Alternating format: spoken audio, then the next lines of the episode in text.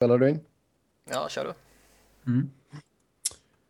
Då säger vi hej och hjärtligt välkomna till ett nytt avsnitt av Svenska fans NHL podcast i samarbete med CCM. Mitt namn är Sebastian Norén och med mig som vanligt så är Niklas Wiberg och Robin Fredriksson.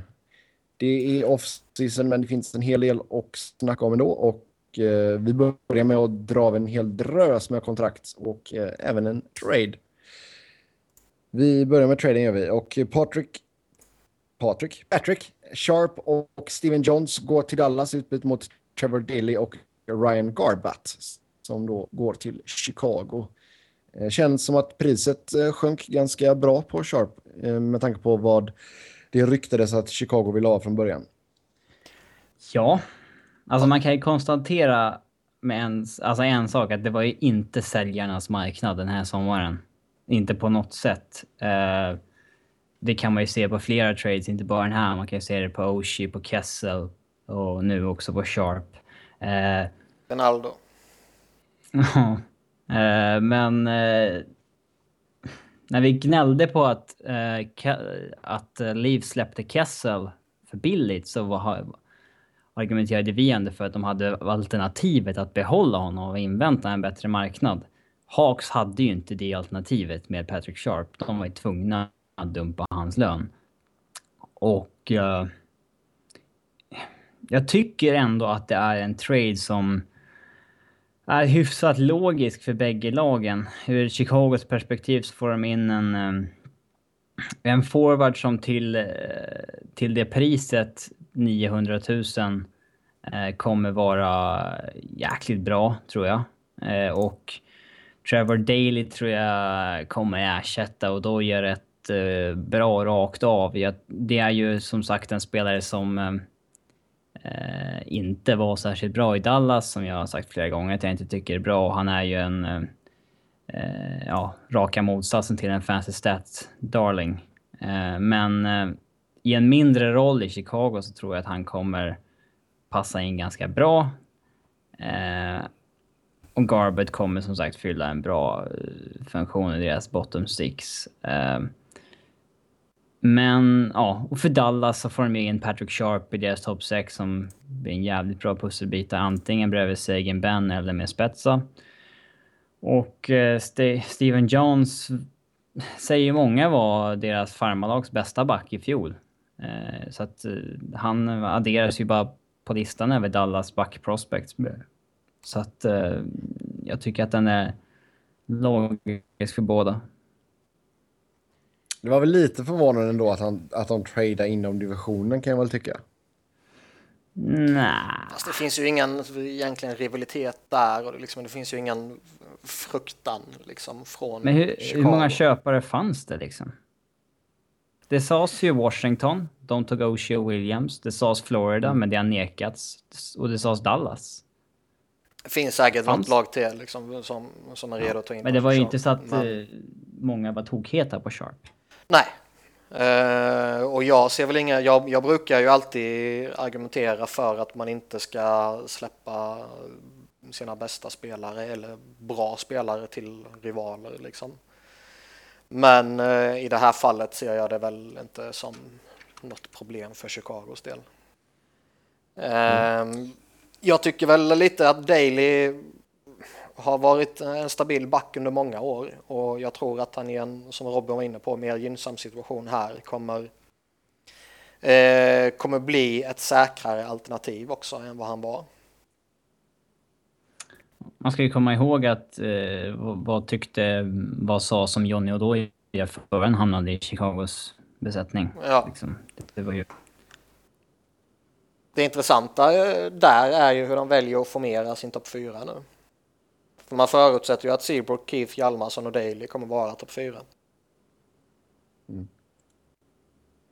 Ja, eh, Dallas tog ju sen även in Johnny Oduya då. Eh, tvåårskontrakt, 3,75 landade hans capita på. Det blev inte alls det kontraktet som vi trodde att han skulle få. Nej, det var tråkigt. Men Free Agency var ju helt absurd i år. Nu mot slutet förvånade ju ingenting längre.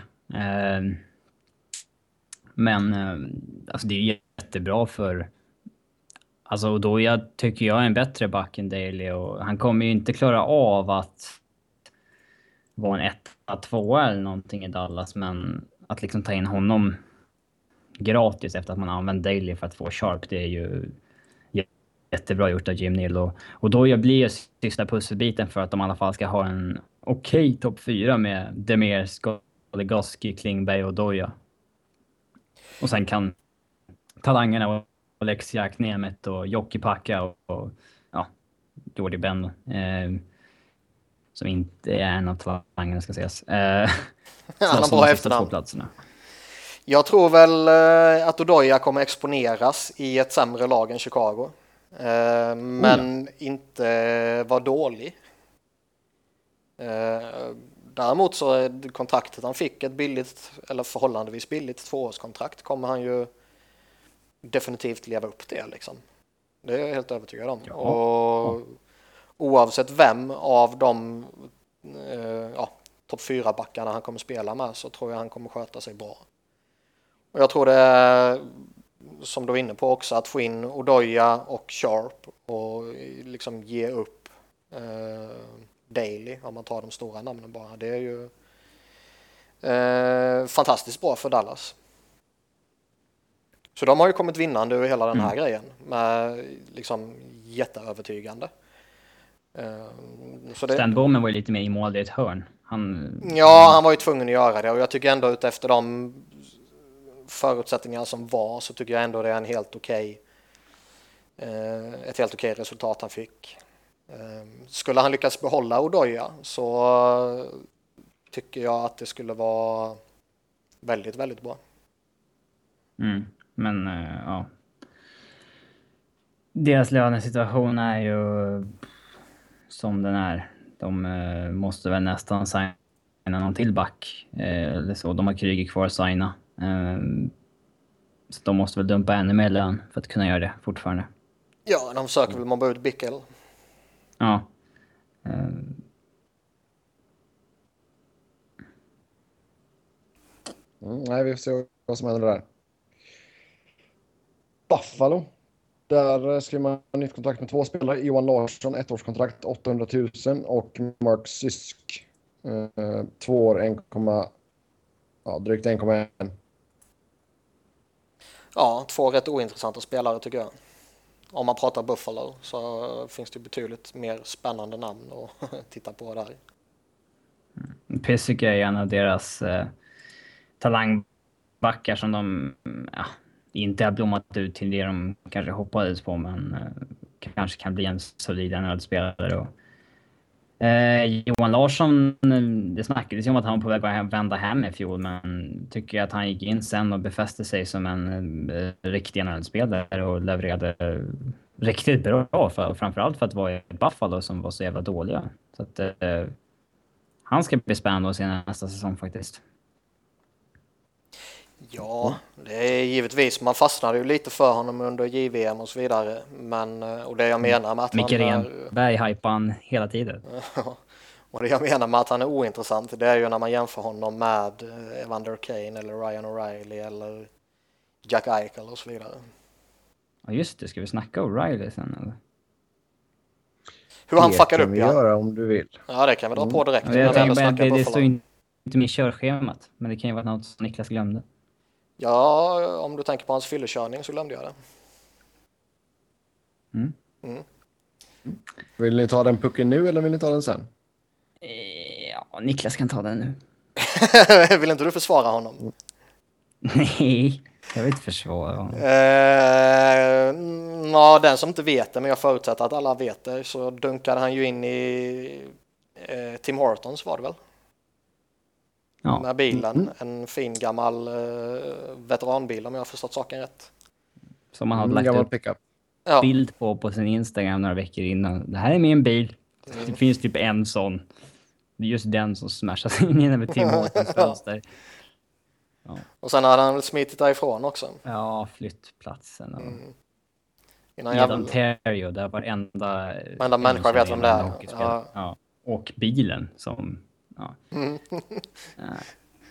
han hade kört, om jag hade fattat saken rätt så hade han kört vidare och sen kört åt sidan och sen sprungit därifrån. Stämmer det? Ja, med någon till person Ja. som är inte känd. Ja.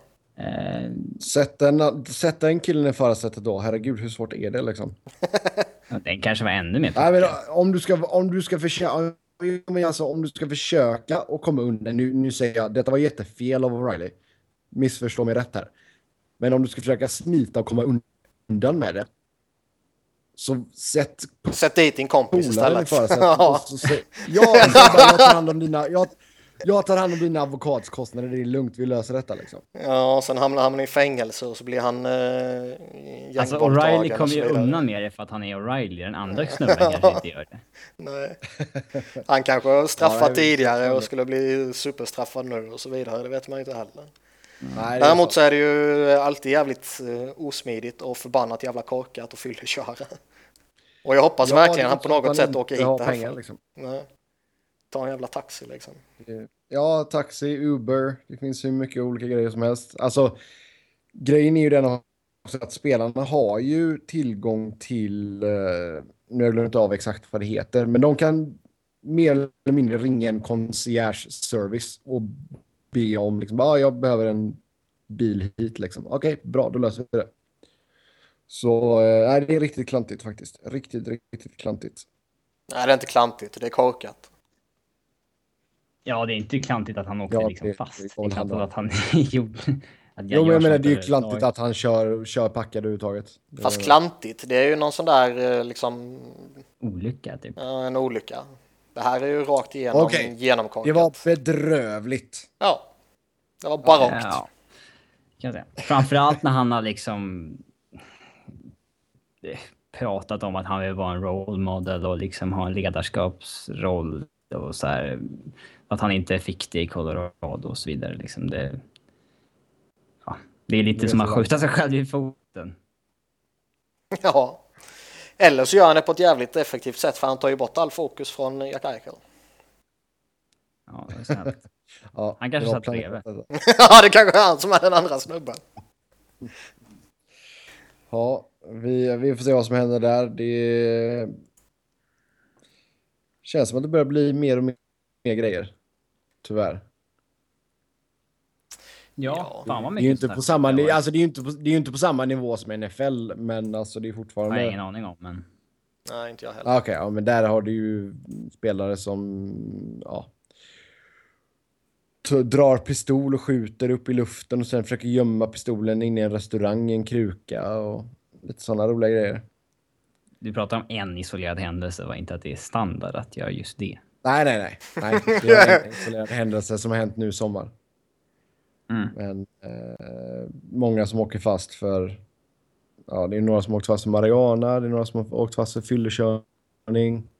Någon har åkt fast för att slått frugan eller flickvän och ja, du vet. Det finns Slava Vojnos där också. Allt Ungefär som NHL i år. Ja. Ja, Slava, Slava Vojnov det finkan nu kan vi ju säga också. Han har- håller på att avtjäna sitt straff. Mm. Så får vi se vad som händer sen. Men tillbaka till kontrakten och eh, New York Rangers kritade på nytt med en, två, tre, fyra, fem spelare. Eh, JT Miller, ett år, drygt 875 000. Dylan McIlrath, ett år, 600 000. Emerson Edem, ett år, 850 000. Oskar Lindberg, två år, 650 000. Magnus Hellberg, två år, 625 000. Och Jesper Fast, två år, 950 000. Sen har man ju även ett eh, pending arbitration hearing med Dirk Stefan. Eh, bokat för den 27. Så vi får se ifall de hinner lösa någonting innan de går, går till arbitration. Eh, det är väl två av tre svenskar som jag känner ointressanta och det är ju Lindberg och Hellberg. Jesper Fast har ju etablerat sig och jag tycker det är ett riktigt bra kontrakt för Rangers. Mm. Eh, Lindberg tror jag kan... eh, Jag tror att han kan få göra några matcher i NHL. Med tanke på hur bra han har varit. Jag, Ja, men det blir ingen framträdande roll liksom. Han kommer ju få spela med Tanner Glass typ. ja. Men eh, han kan nog bli en NHL-spelare, tror jag. Ja, det är mycket möjligt. Eh, eh, men ja, alltså alla de här kontrakten är väl rätt eh, väntade. Ja, Eller? ja, jag trodde jag. alltså kanske att någon item Ja. skulle vara på en miljon blankt eller att fast skulle vara på en miljon blankt. Men det är väl inget... Eh, ja. Vad säger man att det är? Det, allt var väntat. Ja. Ja. Eh, Jo, alltså den stora grejen är ju Stepan liksom. Och Ja, och de, de har ju, de har ju, de har ju drygt 6 miljoner cap space kvar nu. Och det är bara han kvar och, och signa om de inte väljer att ta tillbaka Shepard också. Mm, den blir tight. Ja, eh, alltså Vad ska han ha? han ska ju ha minst 6 miljoner kan jag tycka. Ja, och det, här, det har ju inte varit en sommar av dåliga kontrakt. Men... Alltså nej. Men alltså tittar man på vad eh. Kessler fick och vad O'Reilly fick och vad eh, Kalle Söderberg fick så ska ju han vara någonstans däremellan. Ja. Och då är väl 6 Mm, sex och en halv liksom på, landar några år. Eh, är väl inte helt orimligt kan jag tycka. ja. Men det har inte kommit ut några uppgifter om vad han kräver va? Nej. Eh, det, han borde väl kräva hur mycket som helst. Han borde väl kräva eh, en bra bit över 6, 6 och en halv liksom. Eh, Ja, kommer det till arbitration... Alltså, så att de uppgifterna räcker ut, då eh, skulle han väl kunna kräva liksom 8-9. mm. Och så säger Rangers 5 och så möts de där i mitten liksom. Ja, Eh, Däremot så tycker jag det är ju vi kommer ju komma till några andra namn så småningom också men jag tycker fan inte det är okej när man låter sina toppspelare gå till arbitration. Om de nu gör det, de kanske enas om 10 minuter, det vet man ju inte. Men jag, men jag tycker det är svagt när toppspelarna tillåts nå arbitration. de borde man ju lösa först. Ja. Liksom att släppa någon mer eller mindre nobody dit. Det är ju ingen som tar någon skada av det liksom. Men äh, ja. Nej. toppspelare som Stefan och liksom typ Braden Holtby som vi kommer till så småningom. Det är ju inte riktigt bra tycker jag. Nej, det, det håller jag med dig och det har vi pratat om många gånger för. Att det, det är ju killar man ska liksom fixa när de fortfarande är ett år kvar. Vidare då till Nashville där Craig Smith kritar på ett femårskontrakt. 4,25 miljoner capita landar han på. Och sen fick Kalle Järnkrok ett ettårskontrakt, 735 000. Och sen har man även ett arbitration hearing eh, inbokat den 28 med Colin Wilson. Jag tycker Vi börjar väl... med Craig Smith. Vad tycker ni? 400, 425? Typiskt Nashville-kontrakt. Så att de får betala lite för att behålla spelarna där och ge lite extra term. Eh, De är alltid ett sånt här kontrakt till spelarna som är 40-50 poängs regionen. Ja, alltså det, det är ju inget, det är inget perfekt kontrakt, men det är ju på inte, det är inte på något sätt dåligt heller. Jag tror, jag tror han kommer fortsätta vara en väldigt eh, duktig spelare, eller ja, den spelare han är nu liksom. Eh, och kanske till och med snäppet bättre. Så Ja, det, Kalle jag, då? ja, alltså det är bra kontrakt givetvis. Ja, Järnkrok tycker jag är en bra etablerad NHL-spelare. Håller han samman i en säsong till så borde han få ett riktigt kontrakt. Mm. Mm. Och vad tror vi Colin Wilsons kontrakt kan landa på då? Puff. Alltså det, är väl inte, det skulle väl inte vara jätteförvånande om det blir kanske eh, alltså upp mot Smith där någonstans. Inte riktigt så mycket kanske, men eh, däromkring. Tycker inte han ska ha mer, men Nej, inte mer. Han kanske inte ska ha lika mycket, men eh, han har ju bara knäckt 40 poängsbarriären en gång. Det är, Ja. men han, Känn, jag, han tycker känns ändå, lite bättre, men... Jag tycker ändå han har varit hyggligt stabil rätt många år. ja. Eh, Så jag, jag skulle väl inte bli förvånad om han får 3,75 där runt omkring liksom. På fyra år kanske. Mm. Om de enas eh, så att säga. Ja, före. Ja, ja. Mm. Ja, nej, annars arbitration är ju ett år eller två år på, beroende på om killen kommer vara RFA eller Ja. UFA efter, efter det. Ja, och går det dit så är det klart då kan det ju alltid finnas en, eh, en risk eller en möjlighet beroende på hur man ser på det att han får eh, ja, mer än de 375 som jag gissar på. Ja, Mikhail Grigorenko, ett år med Colorado, 675 000. Ja, det går ju inte att klaga på det. trodde han skulle signa lite eh, mer, men liksom, tittar man på det nykter så har han egentligen bara gjort 14 poäng i NHL på 68 matcher. Visserligen med ganska lite speltid i alla matcher och sådär, men... ehm, med tanke på att det fanns intresse från KL och sånt där så trodde jag att de skulle kanske tvingas ge honom ett lite... Alltså upp på miljonen blankt eller någonting. Men... eh, ja. Det räckte tydligen med nästan minimum så att... Ja, Det är ju bra business av Colorado. Fan ju en liten morot där och försöka producera och göra bra ifrån sig så han får ett bättre kontrakt nästa år. Hur mycket kommer han kunna producera då? För han kommer ju inte få någon topproll. Tredje center verkar det som. Ja. Jag menar, vad, då spelar han med liksom Blake Comeau typ. Eh, möjligt. Eh, ja, det är väl... Eh, jag kommer väl spela PP och tredje center liksom. Det, tyvärr har inte Colorado något vidare djup, men... Eh, det blir väl liksom John Mitchell och Como eller något sånt där. Mm. Kanske Rantanen om han eh, slår sig in i laget. Ja, det låter inte som att Ingen aning om- I alla fall. Ingen aning om vad man ska förvänta sig av Grigorenko. Det känns som att det kan bli allt mellan liksom 15 och 60 poäng. Liksom. Det är ingen aning. Nej, där känns det verkligen som att det Gör, får lov gör, att... gör han 60 poäng som tredje center och spelar PP, Ja, men då, då, jag en big- spelar han då inte jag tredje center hela året. Ja, men han är inte tredje center hela året ifall det blir en sån utveckling. Nej, det är klart han inte gör. Gör Grigorenko mer poäng än vad Arizona kommer spela ihop?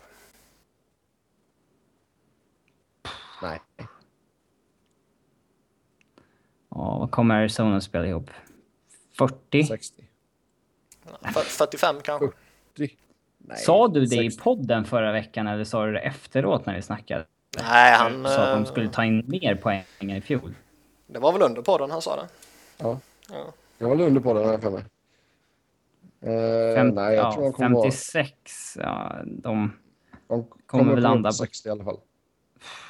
Var, Nej, nej, nej, varför skulle de bli bättre än i fjol? Alltså det finns ju ingen logik som säger det.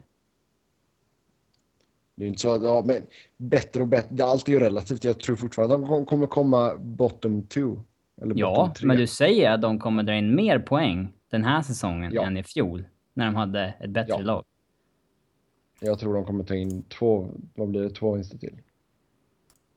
Nej, nu har du fel.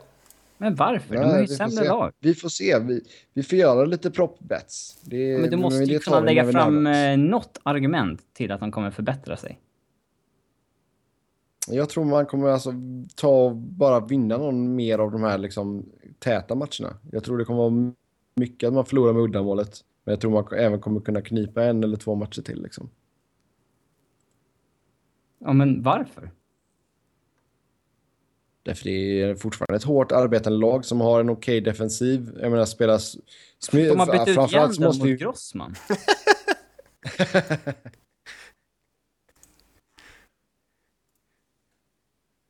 Alltså spelar Mike Smith så som han gjorde mot slutet så eh, tror jag de åtminstone kan plocka två vinster till och landa på 60 pinnar.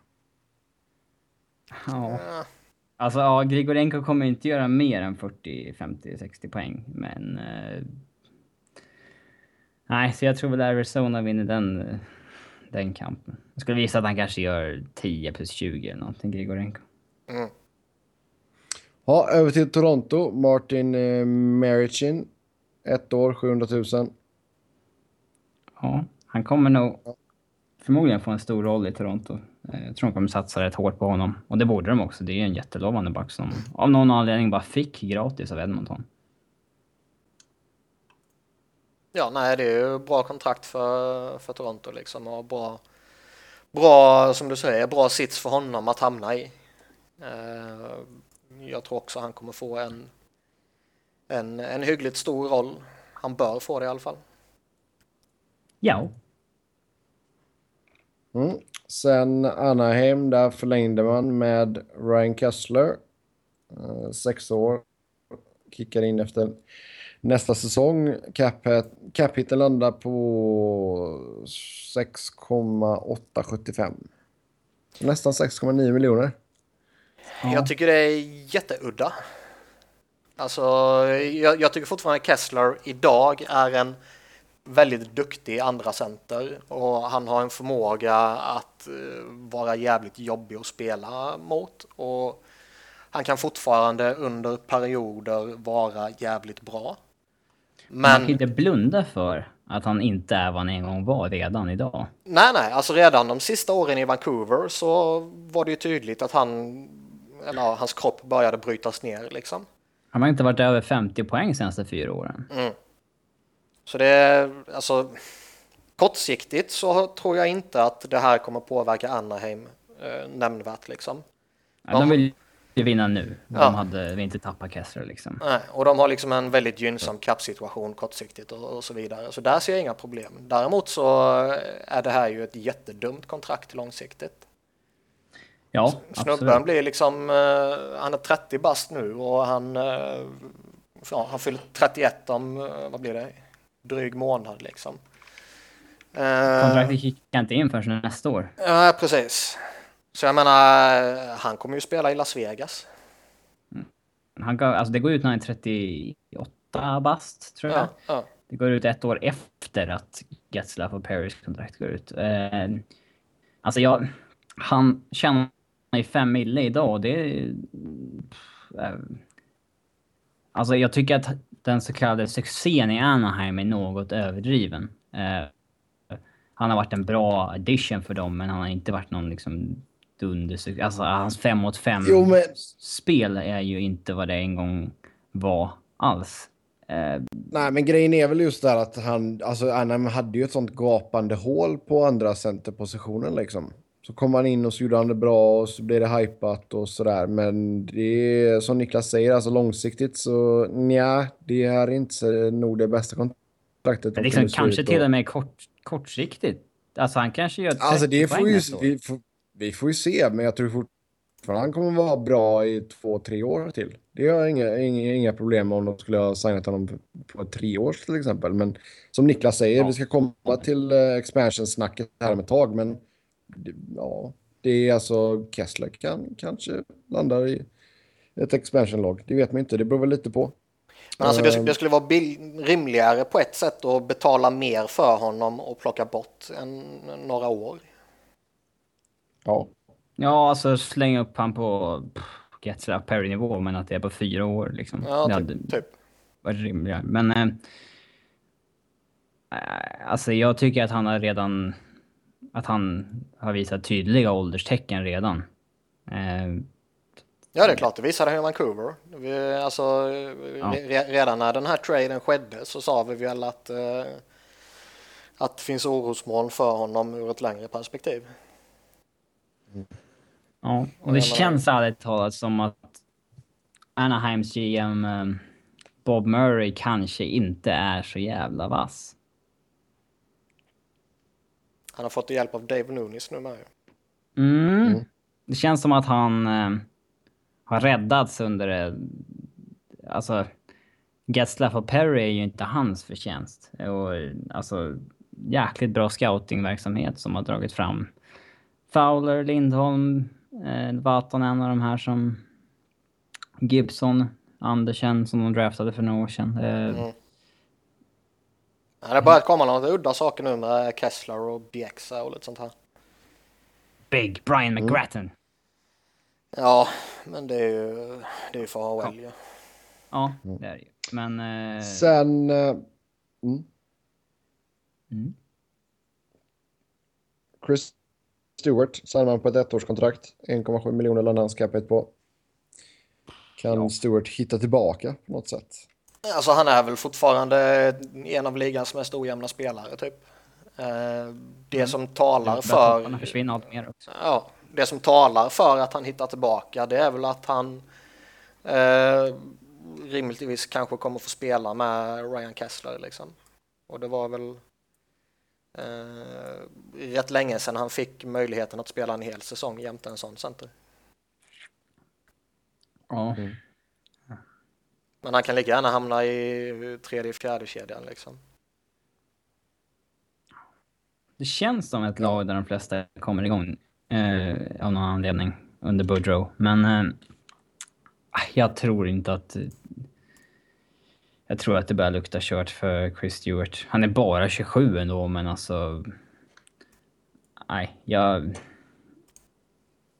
Jag tror inte på någon succé här. Mm. Uh, hur definierar du succé?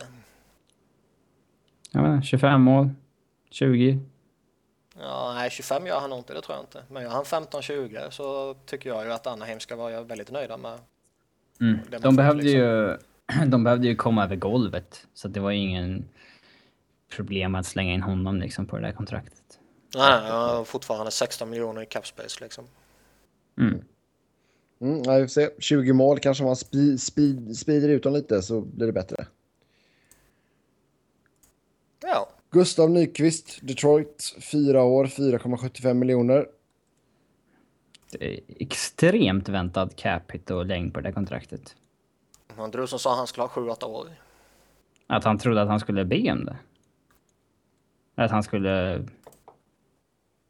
Ja. Ja, att han kunna få det. Också. Alltså, ja. Men alltså, han har ju fått... Han har varit underbetald så länge där. Men... Eh, ja. 4,75 är väl exakt vad som jävligt väntat. Ja, det är ju jätterimligt på alla sätt och vis.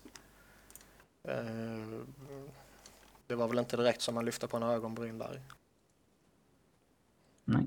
Det roligaste med Detroit som jag glömde att skriva ner också. Det är ju att Dan Cleary kanske får nytt kontrakt trots allt. Jag fattar inte. För att det, det verkar ju som när, när det var snack om Philadelphia, de hade erbjudit honom tre, tre år för typ, vad var det, 2,8 i capita eller något sånt där. Mm. Så, ja, tacka gudarna för att det inte blir av. men, men, men så, så, fick han ju någon form av garanti från Detroit då att liksom stanna hos oss så på tre stycken ettårskontrakt. Så liksom vi, vi, vi, kommer ge dig det om du kommer tillbaka. Och det ja. får man ju inte riktigt göra. Nej. Eh, så det, det, det tisslas och tasslas ju lite nu vad som kommer att göra och nu verkar det som att de då eh, nu när han är skitdålig och Mike Babcock inte är klar längre så vill de väl inte ha kvar Cleary heller. Så då går det ju snack om att ja, du får väl det kontraktet och sen dumpar vi ner dig i AHL så kan du spela där i säsongen. Mm. Så det tuggas lite sådär, så det, det, mm, det är en rolig situation. Liksom, det är bättre att ge han de pengarna bara för att, alltså, liksom scoutroll eller någonting. Ja. slipper de ta det mot lönetaket liksom. Mm. Ja, för att alltså, han har ju fallerat, han är ju slut liksom. Han har varit slut länge nu. Det, det var ju precis där när Flyers tänkte han... Alltså säsongen innan det det var väl hans sista liksom, år när han ändå var en vettig, funktionell spelare. Mm. Mm, nej, som sagt, det kanske kan vara någonting igen, en scoutingroll eller någon sån annan konstig roll i eh, front office. Han kan vara spelarambassadör eller någonting. Um, Matt Calvert, Columbus, tre år, 2,2 miljoner. Ja, det är väl också ja, ett helt okej kontrakt tycker jag. Mm. Uh, han är väl gedigen liksom. Hur far, alltså, det kanske är lite svårt att säga om redan, men hur, hur, hur farliga tror ni Columbus kan bli om man får vara hela och friska? Man hade ju otroliga problem med skador förra säsongen. Man kommer väl vara... ja, wildcard-platserna där. Ja, borde man vara hugga kring. det, det kommer nog vara en, ja, precis som förra säsongen, en, en tuff situation i Metropolitan. Rangers och Caps och Pittsburgh kommer väl eh, plöja på liksom. Islanders kan ju mycket väl hålla någon liknande nivå liksom. Och Columbus, om de är friska och krya och får ut eh, bra prestationer och produktion av sina nyförvärv så bör väl de förbättra sig också. Mm. Nej, det är, nu kommer jag inte ihåg exakt hur många matcher man... För de gjorde någon sån här tabell, typ hur många matcher eh, som de hade missat då med skador och sådär. Det var ju helt otroliga siffror. Ja, nu förstärks det lite av typ Nathan Horton och så här ju, men även om man Ja, plockar bort honom så hade de ju sjuka jävla skadesituationer. ju. De, de var ju tvungna att ge upp säsongen nästan direkt ju. Ja, herregud. Ja, sen eh, Paul Postma fick ett tvåårskontrakt av Winnipeg. Hans capita landade på just under 890 000. Ja. Spelar väl i AHL i fortsättningen också. Eller ja, alltså han har ju så jävla svårt att ta en plats där på högersidan i, eh, i Winnipeg. Men eh, i fjol höll han sig i NHL, men ja, jag vet, inte. han är, är väl en funktionell sexa, sjua Ja. på under miljonen. Yes. Sen eh, Matt Irvin signade i Boston ett år, 800 000. Alltså den här killen hade ju fått fyra år på tre och ett halvt eller någonting. En vanlig free agency. Ja, typ. Alltså... Det var väl något sånt han förväntade sig också antar jag. Tvingas han liksom signa ett år på under miljonen. Liksom, gå ner i lön, tror jag han gjorde. Mm. Eh, ja. Alltså, ja, alla lag borde väl ha velat signa honom på den. Alltså han är ingen jättefavorit för mig, men på under miljonen. Ja, nej, det är förvånansvärt. Bra för Boston. Mm. Don, Ja, som Don hade så jäkla... Han briljerar. works magic. Ja, exakt. De som hade så jävla dåligt djup på backsidan så var det jättebra att de fick in honom så billigt. Ja, ja, verkligen. Ja. Sen eh, nu ska Niklas få prata av sig om Michael Del Soto. Det blev ett tvåårskontrakt. Capiten landade på just under 3,9 miljoner. Bra eller anus? Ja, jag har inte alls några problem med det.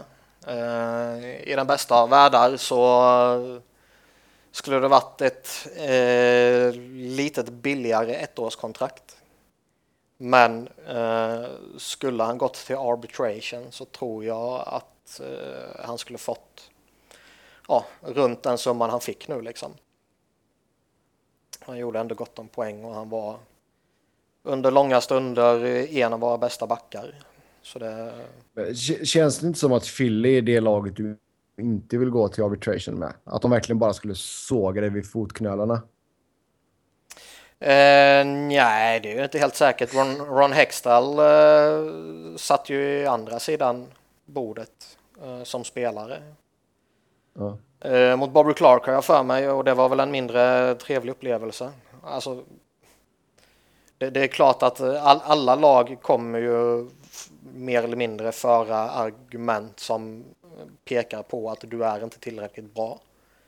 Med tanke på att de inte tycker att man ska betala max vad, vad han kräver. Liksom. Mm. Eh, Så arbitration är ju... Jag, jag, bara, jag tycker bara det är så jävla udda hela grejen liksom. Och man bör ju på alla sätt försöka undvika att ta sig dit, både som spelare och som lag. Eh, Så det, det, det tycker jag var... Ja, det var, det var lika bra att man slapp undan det. Skulle man gå till arbitration och han skulle fått eh, ett år för någon liknande summa här, eller det skulle blivit två år för någon liknande summa, det skulle inte rört mig så värst mycket. Eh, Men det, det man ser är ju att eh, eh, Hextall vill väl inte riktigt binda upp sig långsiktigt på backsidan med tanke på alla prospects vi har på uppgång. Så det, Nej, det kan jag köpa tvåårskontrakt var ju jävligt rimligt så sett ju. Mm. Sen en som fick 3,9 miljoner, det var Justin Schultz, ett år med Edmonton. Ja, det var väl det... mm, Ja, att de bara signar ett år säger väl det mest om att de fortfarande är jäkligt osäkra på Justin. Ja, och med rätta. Det ska de ju vara. Ja. Eh, han kan ju inte gå ner, alltså han... Det där var väl så nära hans qualifying offer man kunde komma. Alltså han, han kommer inte gå ner i lön liksom till typ två. Så att... eh, Ja. Nej, de får hoppas Nej, han, det är klart att han inte hade gjort det. Man får hoppas han fortsätter Det- eh, göra poäng. Gör han 30-40 poäng så är ju inte det ett, ett värdelöst kontrakt. Nej, alltså problemet var ju att han började hypas upp som att han skulle vara någon ny etta när han kom in direkt från college liksom. Ja, ja visst. Det, det var väl det som var det stora... Alltså det stora problemet där. Poängmässigt så har han ju levererat okej. Skulle man sätta honom bakom ett par solida backar framför och han bara får agera PP-specialist och så vidare så hade han varit perfekt. Oh, ja. Mm. Nej, vi får se vad han får för typ av minuter och sådär nu i Edmonton detta året. Todd McClellan kanske har en annan syn på honom. Mm. Arizona skriver tre stycken ettårskontrakt med Filip Samuelsson 600 000, Claes Dahlbäck 605 000 och John Scott 575 000. ja, vilket jävla skitlag. Alltså, ja, men alltså jag fattar. Jag såg det. Jag bara, vad fan ska de med John Scott till? Vad, vi, alltså, vi, han, borde, han borde inte ens vara i ligan.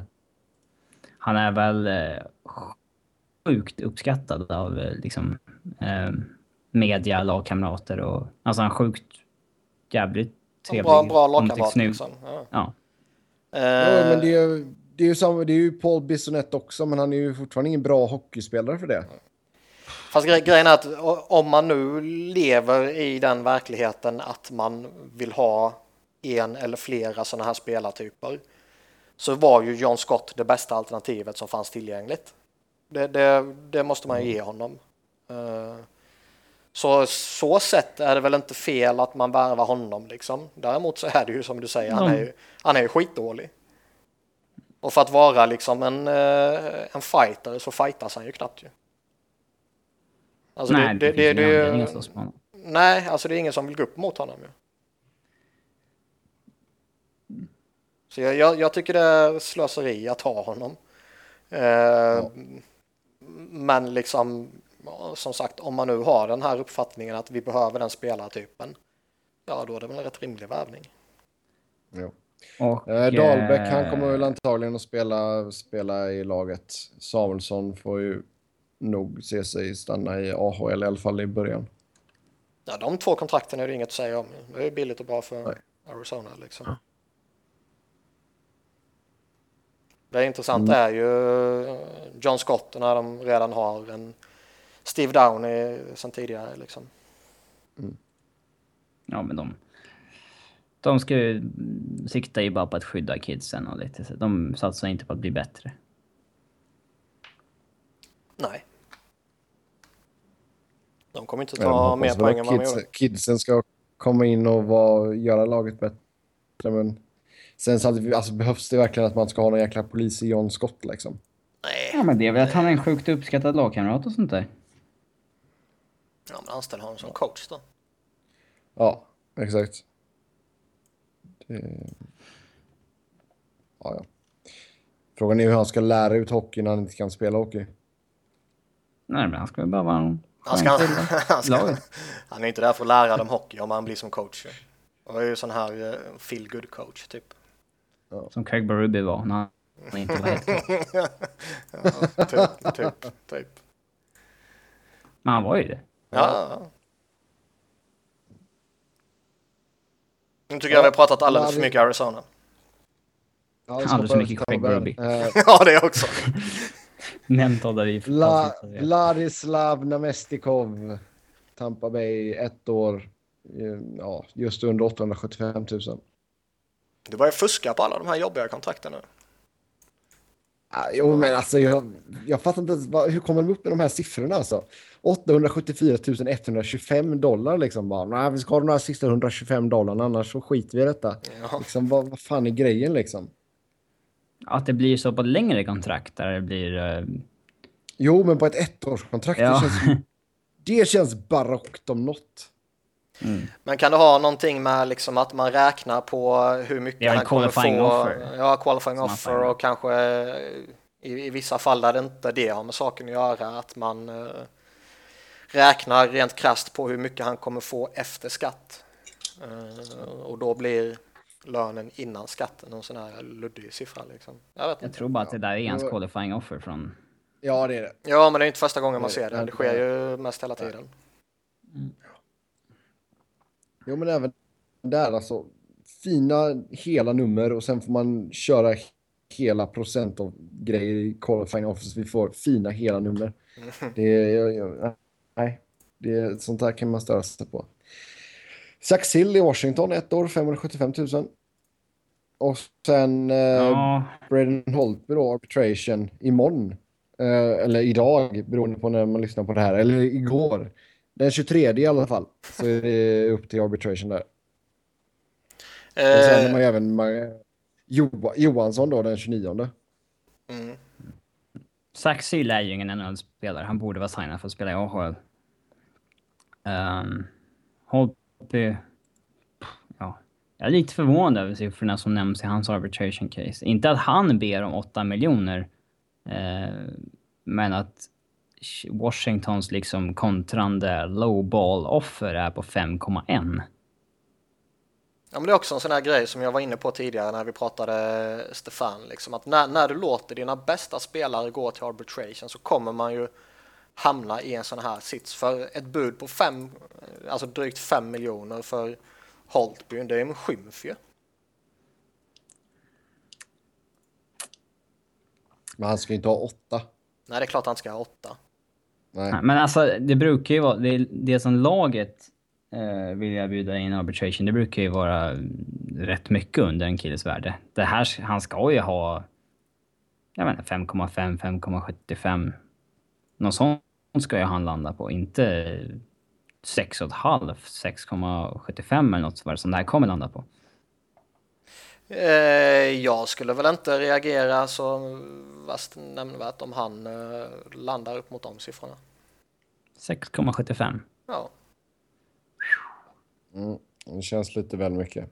Ja, alltså han kan säkert hålla den nivån, men han har inte supermycket för att bevisa det hittills. Jättebra säsong i år dock. Men... Eh, Jag tror han har gjort tillräckligt mycket för att kunna kräva det och gjort tillräckligt mycket för att kunna få det. Liksom jämför lite med ja, Bobrovski typ liksom. Mm, Ja, gick han det för honom efter han signade sitt kontrakt? Ja, men det skiter väl de i när de förhandlar hans kontrakt. Jo, det är klart. Ja, nej, vi får se vad som händer som sagt. Det, men, ja, vi får se. Det, det kan vara över när ni lyssnar på detta. Så eh, ska vi slänga ut en siffra var? Jag säger 6,25. 6,5. Ja, 6,5 fyra men. Ja, det var roliga svar där. Eh, Johansson då? Eller gå till Eh, arbitration först och främst. Eller tror ni de hinner lösa det här nu på en vecka? alltså för Mojo är det skitsamma om han går till arbitration eller inte. Jag, jag tror han jag tror han kommer landa på 3 miljoner plus. Det intressanta här är att Niklas har skrivit Magnus Johansson i körschemat och inte Marcus Johansson. Ja, ja. ja det är dåligt körschema denna veckan. Eh, ja, han ska ju ha ett kortare kontrakt liksom. Det, det, det som jag tycker är intressant i, i Caps fall det är ju att de har lite drygt 10 miljoner i Capspace och det är ju inte helt, helt orimligt att Mojo och Holtby tar upp merparten av det ju. Eh, Nej. och jag tycker fortfarande att de bör eh, försöka förstärka sitt försvar. För de har Niskanen, Orpik, Karlsson och Altsner som ja, utgör en solid topp 4 såklart ju. Men bakom dem ser det tunt ut tycker jag. Mm. Och då måste man ju hitta på något. Ja, absolut. Och det är ju inte Ja. jättemånga dyra kontrakt de kan offra heller. Nej.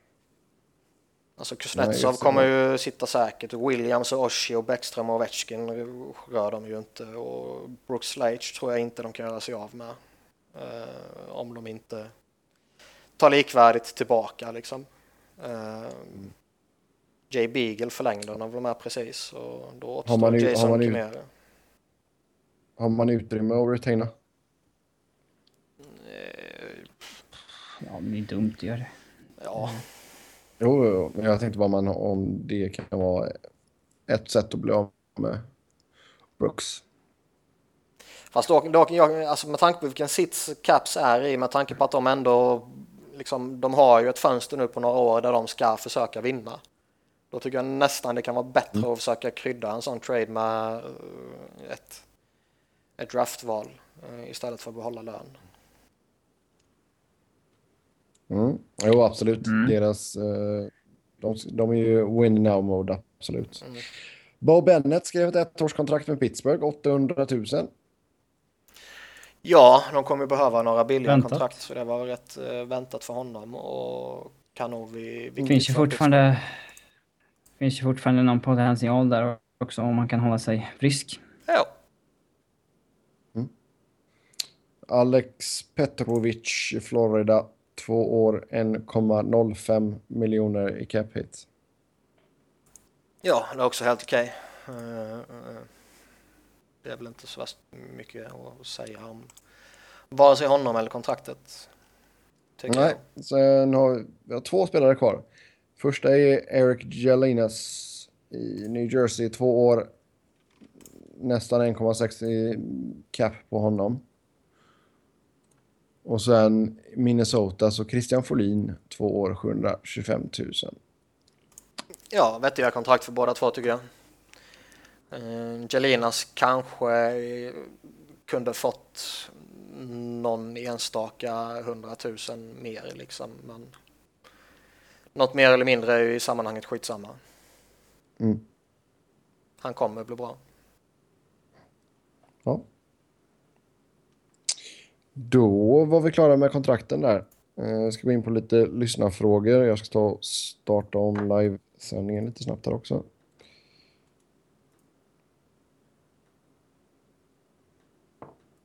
Jaha. Sådär, då var vi tillbaka. eh, tog alldeles för lång tid. På lyssna... ja. då går vi in på... Ja, men det tar ju ett tag. Man måste klicka lite och sådär. Eh, då går vi in på lyssnarfrågor och eh, första frågan här jag gillar att vi inte har vem som har frågat förresten Niklas. Vi kanske borde börja skriva ner det. Nej, de vet ju vem det är som Men... har frågat. Ja, ja. Men i alla fall, första lyssnarfrågan då. Varför har inte Shea Webber vunnit Norris Trophy och vad saknar han i så fall för att vinna? Jag tror det är så pass simpelt. Robin, ta den på uppstuds. Vadå Robin? Jag började. Ja, här kommer jag och Niklas vara rätt oense. Ja, ja okay. Nej, oense om eh, vad? Varför han inte har vunnit eller eh, om han ska ha vunnit eller inte ska ha vunnit? Att han bör vara aktuell idag till exempel? Eh, jag tycker fortfarande han är en av ligans bästa spelare. Eller bästa backar då. Jag tycker han borde ha vunnit genom åren och eh, liksom jag tror att anledningen till att han inte har vunnit är så pass simpel som att han spelar i fel lag. Han får inte den massmediala uppmärksamheten och han eh, syns inte på ett sånt sätt som han skulle gjort om han skulle spelat i ett stort lag på en, eller i en stor marknad. Skulle han spelat i Boston, Philadelphia, Rangers, Detroit, eh, Kanada liksom eller något av de här riktigt, riktigt mm, topplagen. Så jag är helt övertygad om att han skulle vunnit. För alltså, vi vet ju hur, det, det är ju media som röstar om det här priset och vi vet ju hur, liksom, hurdana idioter det kan finnas. Jag tror det är så pass simpelt. Ja. Äh... För oavsett om han förtjänar det i år eller inte det, det, det, kan jag väl köpa att man diskuterar såklart. Eh, men tittar man tillbaka några år så är det ju inget snack om att han borde varit högaktuell. Det har han väl varit också. Ja. Och jag tycker att han har varit så pass bra att han borde ha vunnit något år. För han har de senaste åren, om man slår ut det på en ja, fem, sexårsperiod eller någonting, liksom, så har han ju varit i mitt tycke den mest kompletta backen i ligan. Det är ju samma sak som att Mike Babcock inte vunnit uh, Jack Adams liksom. Ja, han har typ. inte haft det, det året han varit klar etta så att han har vunnit men ändå varit, om man slår ut det på en längre tid, en av de liksom, de bättre. Mm. Uh, om man skulle ha vunnit så var det väl kring 09, 2010 där typ. När han var som bäst, tycker jag. Ja, Ja, men Eh, det känns väl lite som att inte att han- gemene man... Mm, fortsätt Robin. Idag tycker jag inte att han behöver vara aktuell. Idag tycker jag att det finns en 6, 7, 8 som är bättre. Nej, men jag tror att det ligger lite i det som Niklas säger där. Alltså, spelar i fel lag som inte får lika mycket liksom, rum i, i pressen. Och liksom när, när, man, när, när de enda gångerna man ser honom, alltså att det skrivs mycket om honom, ja då är det för att han skjuter hårt på All-Star-grejen liksom. han skjuter hårt, Mm. inte hot. Jag säga det nästa gång du säger fassan eller mossan. Eller nyc nyckeln. Eh, Men i han, alla fall, han det som borde ta för honom, sparkar. det som borde ta för honom är att han har varit liksom bäst i sitt lag en så pass lång tid. Fast Nashville var ju under rätt många år eh, jävligt osexiga. Ja, men han har ju varit Ja. face of the franchise.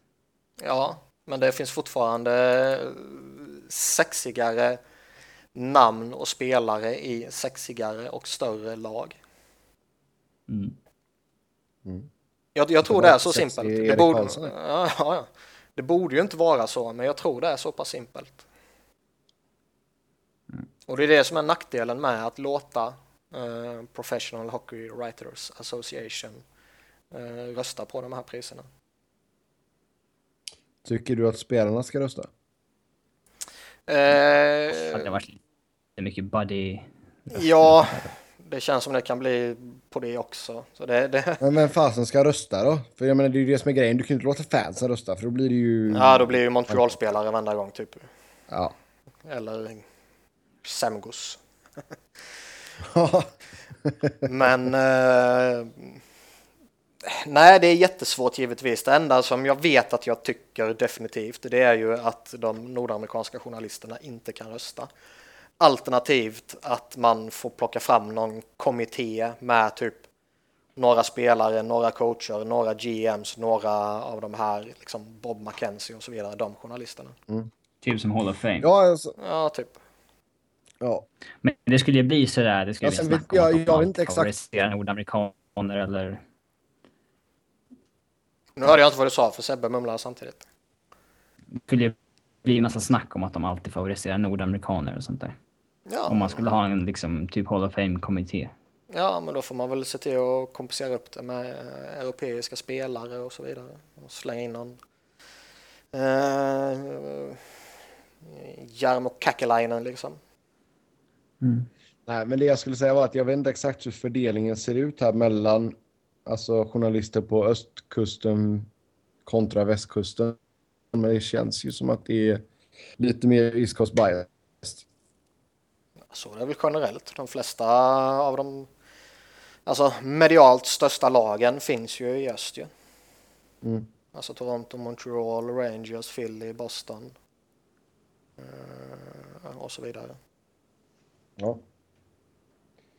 Ja, nästa fråga då. Vad ska Pittsburgh göra för att få en bättre kappsituation? Trada någon. Eh, få en bä- alltså, Tada! alltså, det är svårt att komma... Alltså, ska man ha Crosby, Kessel, Malkin, Letang, då kostar det ju vad det kostar liksom. Eh, sen så borde man väl kanske ah, vara lite mer klokare i sina depth-signingar som liksom Scuderi, eh, kontraktet de gav Dupuy, eh, de kunde ju inte ana att det skulle bli så dåligt men eh, ah, när man är i ett win now-mode som de är, där liksom varenda dollar räknas, så kan man inte liksom betala Dupuy för gamla tjänster genom att slänga upp ett sånt där kontrakt. Eh. Flurys cap tycker jag ändå är ganska rimlig. Alltså, Jo, om de vill ha en bättre... som- Om de vill ha en bättre cap-situation så får de väl offra någon, någon av sina stjärnor, men... Det skulle inte... Det skulle inte förbättra deras chanser att vinna. Nej, alltså det är ju typ ja, offra en Kunitz eller någonting. Och då kan man lika gärna behålla honom och köra tight mot capen kan jag tycka. Mm, de kommer, alltså, kommer bli av med de här dåliga kontrakten. Kommer bli av med Kunitz, Dupuy och Scuderi samma år här om två år. Så de, de kommer ju kunna köra vidare på det här i två år till. Liksom. Jag, jag tror ju det är svårt att, att lyckas bli av med Dupuy. Eh, Med tanke på alla problem som han har haft. Han, han Om måste man inte ju, gör en okej säsong i år så kan man skicka Jo, jo, sista jo, året. men när jag- man ska jo. förlänga med Mäte. Givetvis, men jag, jag, jag menar nu. Ja, inför säsongen eller i början på säsongen. Och samma sak, liksom, ska du dumpa Scuderi så måste du ta något likvärdigt tillbaka.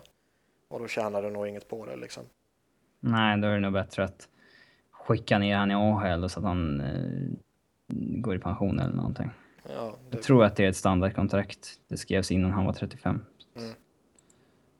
Nej, alltså har de två spelarna på sju miller liksom tillsammans, det är... Det är ju inte bra business för fem öre. Nej.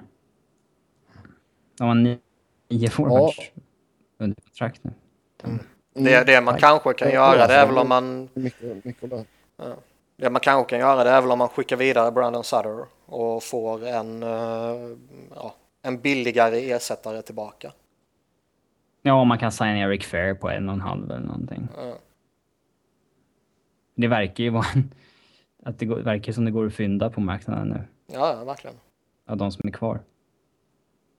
Men då är frågan också varför ska man betala för att ta Sutter i en trade om du kan få fair eller motsvarande gratis? Mm. Finns alltid... Finns Ja, alltid- jo, det finns ju alltid en marknad givetvis. Men ja, nej, jag, jag tror att ska, ska man göra något enkelt och faktiskt få ut något av det, då är det kanske Brandon Sutter i så fall. Och jag tycker han är bra, så jag, Ja, en nej, vi se. Pittsburgh har som sagt mycket att eh, fundera på.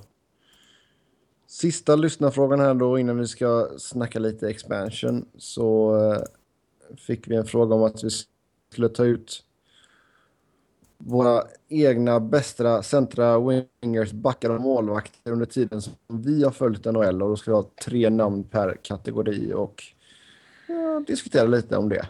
Uh, Robin, i och med att du inte läste schemat ordentligt så får Niklas ta och börja med sina tre centrar. Och du kan väl, alltså, du får väl lägga lite bakgrund också liksom när, när du börjar kolla ordentligt och allt sånt där jag började väl följa NHL ja, mitten 90-talet liksom. Eh, vad ska man säga? Den senare delen av mitten av 90-talet. Där runt omkring började man väl slå sig in på det. Eh, på riktigt blev det ju först några år senare egentligen. Men, eh, så snackar man centrar så den största är ju alltid Wayne Gretzky. Sen var ju inte han bäst mot slutet. Eh, så han kommer jag ju inte välja. Men han är ju alltid bäst och han är ju alltid störst liksom. Eh, jag tycker inte man kan hävda något annat. Eh, om man däremot tar under min tid, eftersom jag missade hans prime och så vidare, så skulle jag väl ändå säga Mario Lemieux på första platsen. Han höll ju ändå en så pass hög nivå mitten 90-talet och framåt och med tanke på förutsättningarna han hade där runt omkring också så så var, ger det än mer respekt ju. Eh, bakom honom tror jag att jag gör eh, Robin lite glad och säger Joe Sakic. Jag var riktigt förtjust i honom när jag var liten. Han var bra Super fan. Joe! Ja, han var riktigt bra. Han var klatsch på riktigt, inte låtsas-klatsch som Tate. eller hur? Eller hur? Sen har jag, jag har svårt som fan att välja den tredje centern. Och Eh, spelar Malkin. nej. Eh, Jag funderar mellan Crosby, Sergej Fedorov eller Eric Lindros. Eh, om man snackar vem som hade hela paketet och kunde dominera på ett sätt som ingen annan någonsin har kunnat så är det ju Eric Lindros. Däremot så eh, finns det ju andra aspekter som talar emot honom.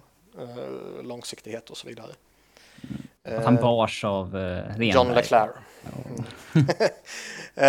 Fedorov är väl vad man charmades som är alltid jävligt hårt av. Han var ju komplett på så många sätt. Men jag tror ändå att det blir Crosby på tredje plats liksom. Mm. Han är ju ändå den här Ja. generationens bästa och största spelare liksom. Ja, herregud. Korrekt. Det är väl inget snack om saken där. Eh, ja, jag började som nioåring sätta klockan, titta på matcherna mitt i natten. Eh, första riktiga NHL-minnet. Ja, det är morsan trodde man var helt dum i huvudet. Hon bara, vad gör du klockan är tre på natten? Jag ska kolla hockey. Eh, var ju Rangers Vancouver-finalen där 94. Eh, så man har ju en sån extrem förkärlek till Mark Messier, men det är också en sån grej där han har varit lite liksom... Det var ju inte riktigt hans prime heller liksom. Och det är ju samma sak med Gretzky där som du sa Niklas. Alltså Gretzky har ju alltid varit min absoluta favoritspelare bredvid en viss Peter Forsberg. Eh, Men det är ju samma sak där också liksom. Det var ju precis efter där som man började kolla liksom. Eh, Så på min första plats får jag nog faktiskt säga Peter Forsberg. Nej, Uh, jo, för, alltså för, för, min, för min del. ja men det är så fel. Så, så, så finns det ingen, ingen större som var i sin prime där man växte upp. Sen andra platsen så är jag med dig där, Joe Sakic. Uh, stört, alltså fy fan vad bra han var. Eh, sen var jag också inne lite på Lindros-spåret där. Men eh, Kör riktigt Quebec-spår alltså.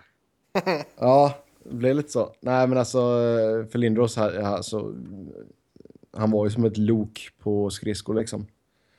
Men eh, man får ju ta sin i Crosby där liksom. Det, visst, det finns grejer jag inte gillar med honom, men som hockeyspelare så är han ju fantastisk. Du nobbar Mario Lemieux alltså?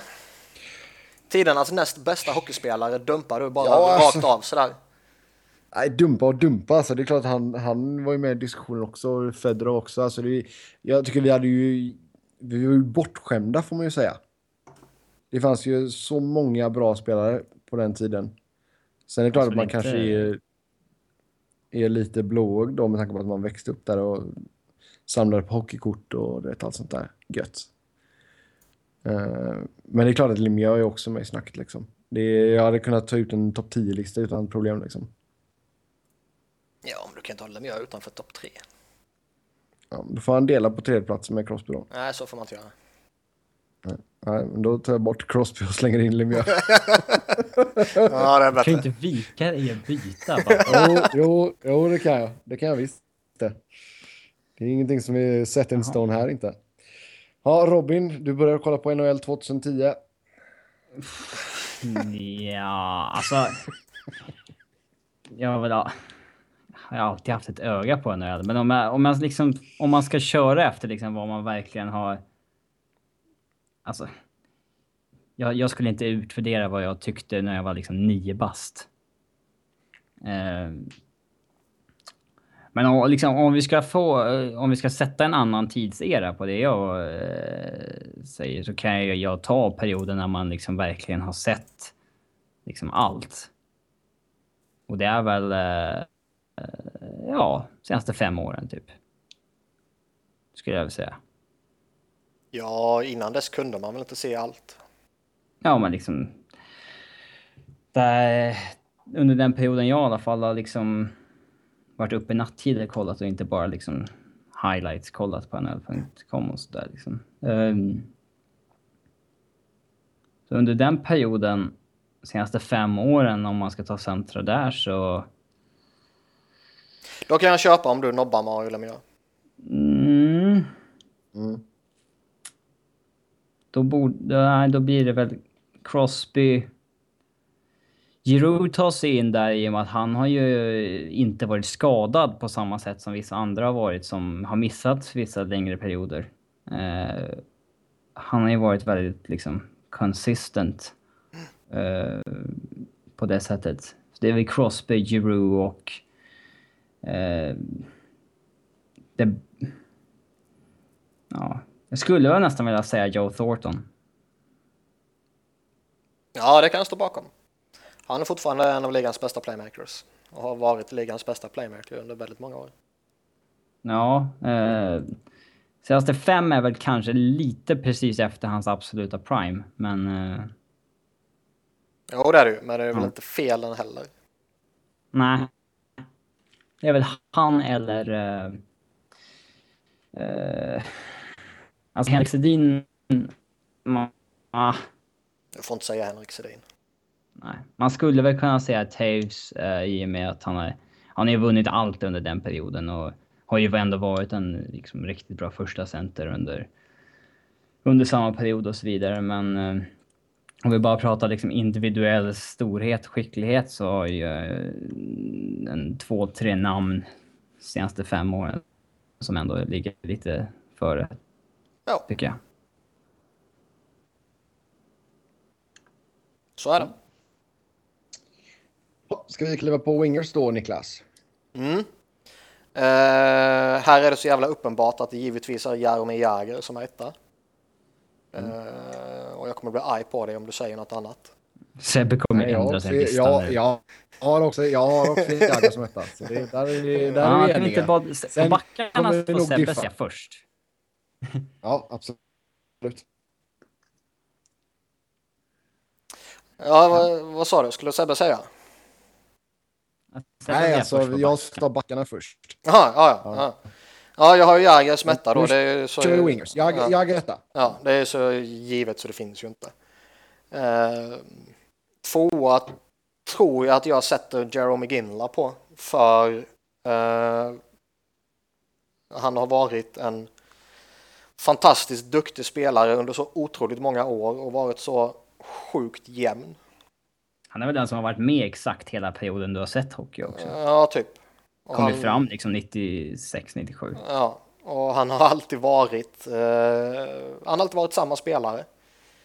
Samma spelartyp, samma spelare, han är aldrig skadad, han producerar alltid, han levererar alltid och, och så vidare liksom. Och han Eh, är ofta spelat i ett rätt dåligt lag. Ja, 80 procent av tiden. ja. Eh, så han är jag grymt imponerad av, så eh, han får knipa eh, andra platsen. Tredje platsen eh, skär det ju i hela mitt hjärta att jag inte kan säga John Leclerc, utan jag måste ha han på fjärde platsen. Eh, Så jag, jag måste ju peta in Ovechkin på tredje platsen. ju. Mm. Ja, vi har samma etta och trea. Vem fan är din tvåa då? Har du Leclerc som tvåa? Luke, Ro- Lu- Luke Robitaille. Så jävla homer-pick Ja. alla Lucky Luke. Sicken spelare och sicken människa. Pang, pang, Lucky Luke. Exakt. Pang, pang. Ja, det... Sjung, sjung inte för mycket för då får vi sån copyright strike mot oss. Eh, Ingen skulle gå Nej, Lucky Luke- Lucky Luke, alltså. Oj, oj, oj. Ja, jag kan han är väl inte- gå med på det. Samtidigt så är han ju inte större än de andra. Nej, han... nej, men alltså det, är- det är ju samma sak där. Alltså, det, det är ju synd man inte var några år äldre som man fick typ se Brett, Brett Hulls riktiga peak och sådana grejer i början av 90-talet. Liksom. Mm. Eh, eller typ Jari Kurri, en spelare som man gillar mycket. Men, men det var någon som skrev i chatten här, Pavel Bure. Ja, Pavel Bure var riktigt bra. Ja, Ja, han var bra ett tag. ja, Ja, snabb, snabb som få. han var bra för kort tid. Ja, Han, riktigt han och kort Hagelin tid, hade alltså. nog kunnat köra bra footrace. Ja, Mm. definitivt. Ja. Och alltså, som sagt då, sen uh, Ovechkin då som trea och Jagr som etta. Mm. Och Lilleman. Ja, eh, solklar etta blir ju Alexander Ovechkin. Eh, Va? Senaste fem åren, ja. Nu är du fel ute, det är ju Jake Voracek. Ja, okej. Mikael Raffel trea. Nej. men... Eh, nej, solklar etta. Ja, givetvis. Ovechkin. Eh, skulle jag vilja slänga in Corey Perry två Kanske. Han hade ju något off år här eh, för något år sedan, men han varit fruktansvärt eh, jämn i sin leverans de åren. Eh, trea är väl Patrick Kane, skulle jag säga. Han har ju varit point per game eh, egentligen ja, på kontinuerlig basis och har ett fruktansvärt bra slutspelsfacit också de här, period, eh, de här åren och har ju i viss utsträckning varit en större bidragande orsak till eh, Chicagos tre Stanley Cup än centern Johnny T. Ja.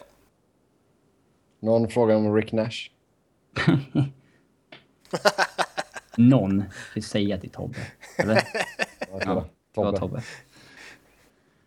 Eh, nej. Rick the Dick kom inte med. Nej. Ja, backarna då. Då skulle jag börja. Det här är, det här är ju riktigt svårt kan jag säga. Men, Nej, det är så eh, jävla enkelt. Nej, det är riktigt svårt. Men eh, ja, Niklas Lidström är etta. Sen eh, tvåa så får jag ta Brian Leach. Och sen... Eh, alltså trean, den är fan jobbig. Det är lite av en toss-up mellan Scott Stevens och Chris Pronger. Men jag går med Scott Stevens. Ah! Fan vad smutsigt. Ska man ta bästa backarna under 90 och 2000-tal-eran så tycker jag väl Lidström och Pronger är lite, alltså inte en jättestor division för sig, men liksom de spelar, de är ändå klara etta, tvåa tycker jag. Jag har ju... Lid- Lidström är ju så solklar etta så det finns ju inte. Det är ju liksom tidernas bästa back enligt eh, många. Eh, eller må, många, Modern- många, ja, modern, modern tid då liksom. Ja. Kan jämföra Eh, med Doug Harvey och sådana där. Liksom. jag har svårt att jämföra med Bobby Orr också. Mm. Men jag, jag Lid- Lidström är i, vilket fall överlägsen etta ju. Sen har jag Chris Pronger som tvåa för jag tycker han var, han var unik. Han hade ja, alla aspek- aspekter. Han var ju liksom, han var ju en, en ful Niklas Lidström om man säger så. En fysiskt spelande och ful Niklas Lidström. Så jag tycker över den perioden tycker jag de två står i en klass för sig. Eh, mitt tredje namn är Scott Niedermayer. Som jag tyckte var en elegant eh, miniversion, eller inte mer, men Lidström Light. light, liksom.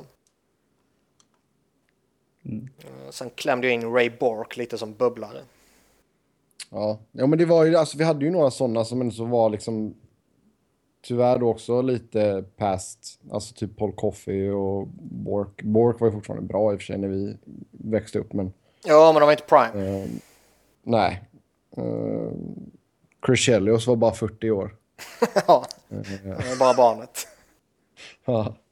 Nej, så eh, som sagt, man, när man tittar tillbaka så här så känner man verkligen fan bortskämd man har varit. Ja, ja. Sen har man väl alltid en annan, det som jag har sagt några gånger tidigare, man har ju alltid en annan relation till spelarna man växte upp med än spelarna som man följer numera. Ja, Idag absolut. hatar ju du alla i en utsträckning du inte gjorde när du växte upp. Nej, men det är helt rätt ju. Nej, men det är ju så. Så är det. Ja, gud. Det är som eh, när man snackar fotboll och sånt där. När man tittar på, när man tittar på typ gamla VM-krönikor och sånt där. Och man liksom...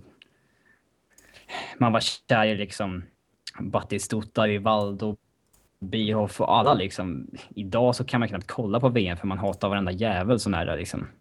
Det... Ja.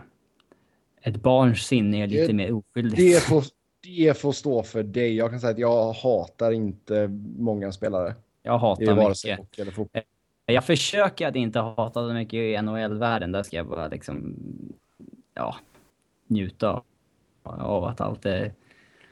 Av alla bra hockeyspelare sådär. Men i fotbollens värld har det gått lite för långt.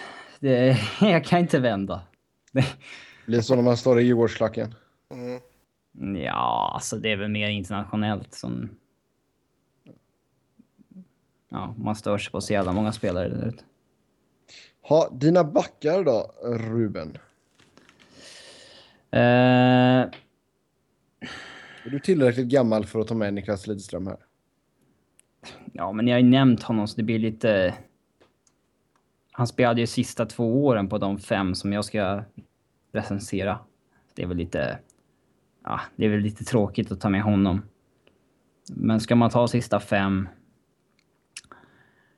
så tycker jag Duncan Keith är etta. Erik Karlsson är tvåa.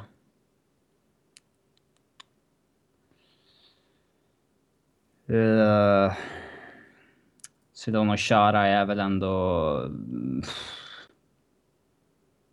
Det är han eller... Det är han eller Webber som är trea. Ja. Det var Bägge bättre förr, vill du av. inte säga då, Niklas? Ja, Bägge har tacklat verkligen. av. Ja men alltså, vad fan kommer vi se på... Med, alltså, så fort spelarnas karriär är över så ses de ju med helt andra ögon. Alltså, i- Fast- Duncan fast, Keith eh, kommer ju ses som, kommer ju ses som samma, på samma nivå som Ray Bork och sådana där när hans karriär är över. Nej, Jo, nej. Jo. Inte av mig. ja men. Det, de som har slutat överromantiseras det är alltid något jävligt kring. Ja, det är klart de gör det. Det säger jag inte emot. Men eh, jag håller ju fortfarande den tidiga, de, de bästa spelarna i den tidiga generationen håller jag ju fortfarande med vissa väldigt få undantag eh, före de bästa spelarna i den här generationen. svårt att jämföra eftersom deras poäng, alltså produktionen den är den var så mycket högre också. Jo, det är klart. Det är Och sen är det som jag sa, mycket det, det är skillnad på de man växte upp med och de som man eh, följer nu.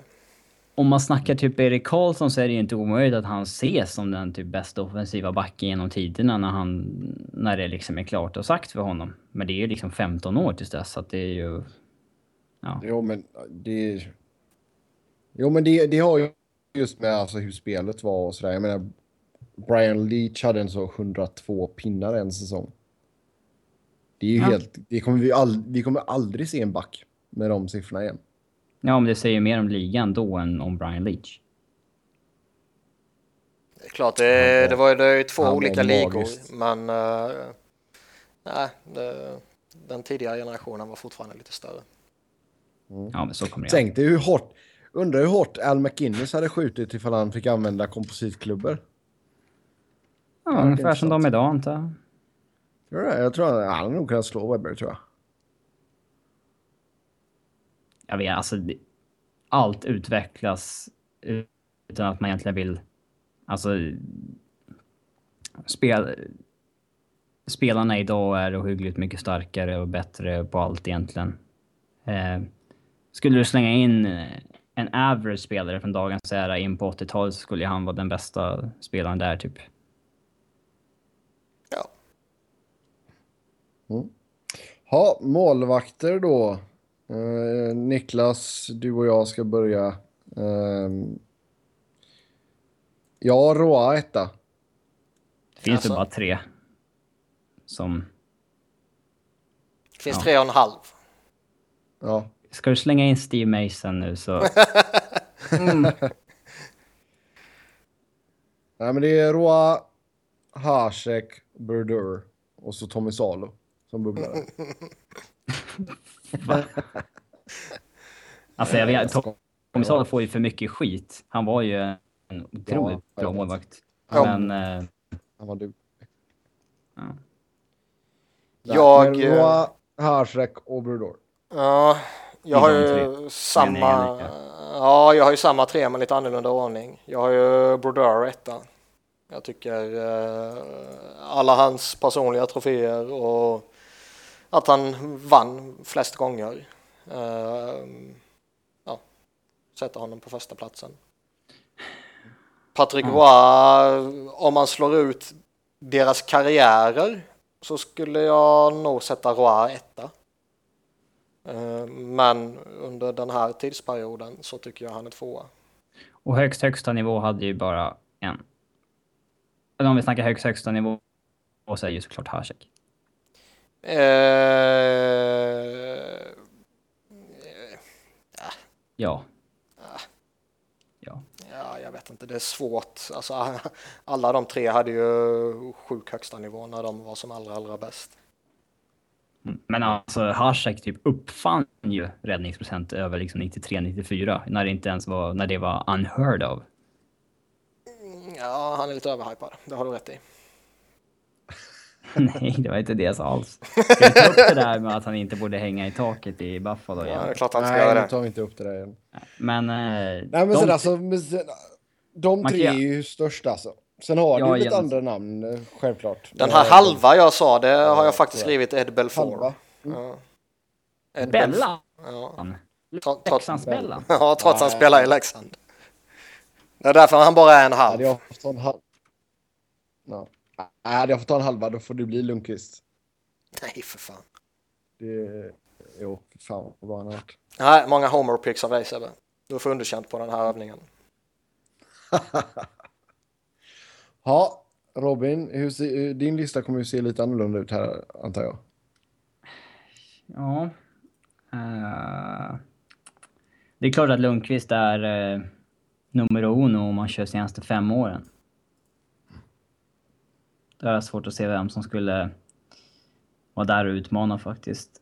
Eh, för man ska ju komma ihåg att Carey, Carey alltså Alltså, re, redan inför eh, OS i, fi, ja, i fjol så var det liksom snack om att Kanada inte hade någon målvakt.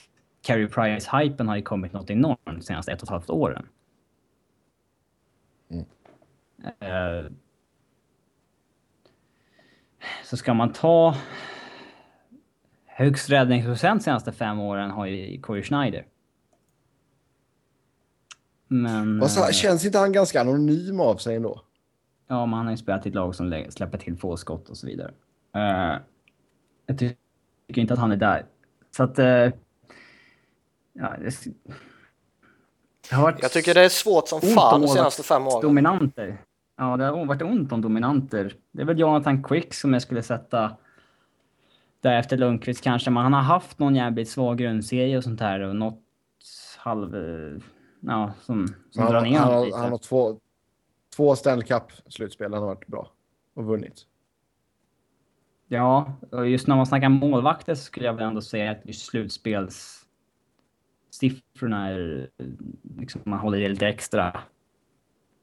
Eh, men trea... Senaste fem... Vem fan skulle... Det är svårt Det att kan säga en Tokarask liksom, för jag menar han var ju bakom Tim Thomas också. Ja. Det får väl bli en Carey Price, men han har ju också varit ifrågasatt under vissa perioder de senaste fem åren. Mm. Det var i och för sig det är ju precis efter den här, när de valde mellan Halak och Price, eh, eran. Men... Eh, mm, Ja, Lundqvist, och, Först- Lundqvist och Quick är väl givna i alla fall. mm. Eh, sen är det svårt som fan. To- Tobbe i chatten säger Ryan Miller, men just att det senaste fem åren gör väl att han är borta. senaste två, tre åren har inte han varit elit. Nej, skulle man, snack, skulle man snackat det här för två år sedan och pratat om fem senaste, då skulle väl han Ja. varit en bra kandidat. Man fick med OS 2010 där och det. Men... Mm. eh, Nej, det är väl uh, Lundqvist, Kvick och eh, eh, Price kanske. Men eh, ja, det är, det är Price sista år som bär honom något enormt då. Pekka då? Ja, tänkte på hans jävla skada där när han var borta så jävla länge, men... Mm, Ja. han har inte... Man ska inte beskylla honom för det, men han har inte liksom haft något så här slutspel där han liksom har bärt dem till någon, till någon final eller sådär. Så det... Nej, absolut. Mm. Ja. Så hade han den där skadan som ställde till det, men... Nej, lite uppvaknande faktiskt över hur få målvaktsdominanter vi har haft de senaste fem åren. Mm. Det är egentligen bara Lundqvist som är elit de senaste fem åren i, i rad. Nej, du måste slänga in Quick också. Ja, i ja. även, även om både du och jag hatar eh, både Kings och Sebbe så måste vi ändå säga Quick. Ja, framförallt Sebbe. ja. Men, Ja. ja. Tack, för, tack för den. Ska vi Eh, köra, ska vi, som, ska vi, ja, som vi gjorde, ja, ska vi köra nästa Ska vecka, ska vi köra, Nej. ska vi köra Nej. sämsta målvakterna de senaste Nej. fem åren? och sämsta backarna de senaste fem åren? Vad Eller ja, det- under eran, för mig blir det senaste Åh, fem, men herregud. för er, den, Den- sämsta. Den blir jobbig. Ja, Den blir jobbig alltså. Det blir mycket research man måste göra. Det måste ju ändå Ja, varit herregud. folk som har varit med den hela perioden liksom. Eller i alla fall så att de har varit med. Nej, Randy Jones är ju given etta ju. Ja, vi kanske kan... Ja, Ja, vi får se vad som händer. Men nu ska vi i alla fall över och snacka expansion. Vill ni komma med era listor under tiden som ni har tittat på NHL så skriv de dem i en sämsta spelarna. Ja, det får vi ta en annan gång. Men Visst fan finns snacka... det intresse om att vi ska lista sämsta spelarna vi har sett. Ja, det är klart det finns. Vill ni att vi ska göra det det är så sånt säg där som vi gör, som de inte skulle göra i någon annan podd. Ja, så släng, säg, en, säg till oss via kommentaren eller Twitter om ni vill att vi ska göra det. Nu ska vi snacka expansion i alla fall. Och Las Vegas och Quebec skickade in eh, officiella intresseanmälan med en eh, 10 miljoners check vardera. Eh, skulle de inte få igenom sitt bud eller vad man nu säger, då får man tillbaka 8 miljoner och så tar NHL 2 miljoner i. Ja, vad kallar man det? Administrative... Ja, ja i alla fall. Någon jävla House always takes a cut. Ja, någon handpenning där. Eh, så i alla fall, nu har vi fått in de två intre- intresseanmälarna och vad är nästa steg här nu Niklas? Nu eh, ska ju ligan eh, analysera och utvärdera och allt vad man säger. De här två dokumenten som det ju då är de har skickat in och se om om, eh, om allt är i sin ordning och så vidare och eh, arenasituationen och så vidare. Och när de har gjort det så går man ju sen vidare typ till Board of Governors och allt sånt här och som träffas i september. Och då kan de mer eller mindre klubba igenom en expansion där. Ja, arenan i Vegas är ju inga problem. Den är ju snart Ja, den är klar 2016 och Quebec har ju en arena som är klar när som helst. Det ska ju spelas en, eh, en träningsmatch där inför denna säsongen till exempel. Jag kommer inte ihåg mellan vilka det var. Ja, vad... Jag ska Om tillägga det också att de, alltså- de, de, de ska ju eh, la- lagen som kliver in här ska ju pynta upp 500 miljoner dollar i expansion fee också. Ja, just det. Eh, Undrar ifall de bara behöver betala 590 då i och med att de har lagt in 10 miljoner. ja, det vet jag faktiskt inte. Men, men jag menar, så det, alltså det, det är ju det som ställer... mycket pengar. Ja, alltså det är ju det som st- ställer till det för eh, de andra intressenterna, gissar jag. Eh, För jag menar 500 miljoner dollar är ju mer än vad många av lagen idag är värda liksom. Det är väl väldigt få lag som värderas till 500 miljoner dollar tror jag. Jag vet inte exakt, men jag tror att Toronto var väl värderat till eh, 1,6 miljarder dollar tror jag. Ja. Eh, De var, ju, de var ju det enda hockeylaget som var med på Forbes lista över de 50 mest värdefulla eh, Idrottslagen. Ja. Ja, idrottslagen. Ja. exakt. Eh, då var de på typ så här plats 30 eller någonting liksom. Ja, jag vet. Men säg att det är liksom i... i- Jag skulle väl gissa att i bästa fall så är väl kanske hälften av lagen eh, värda så pass mycket. Ja.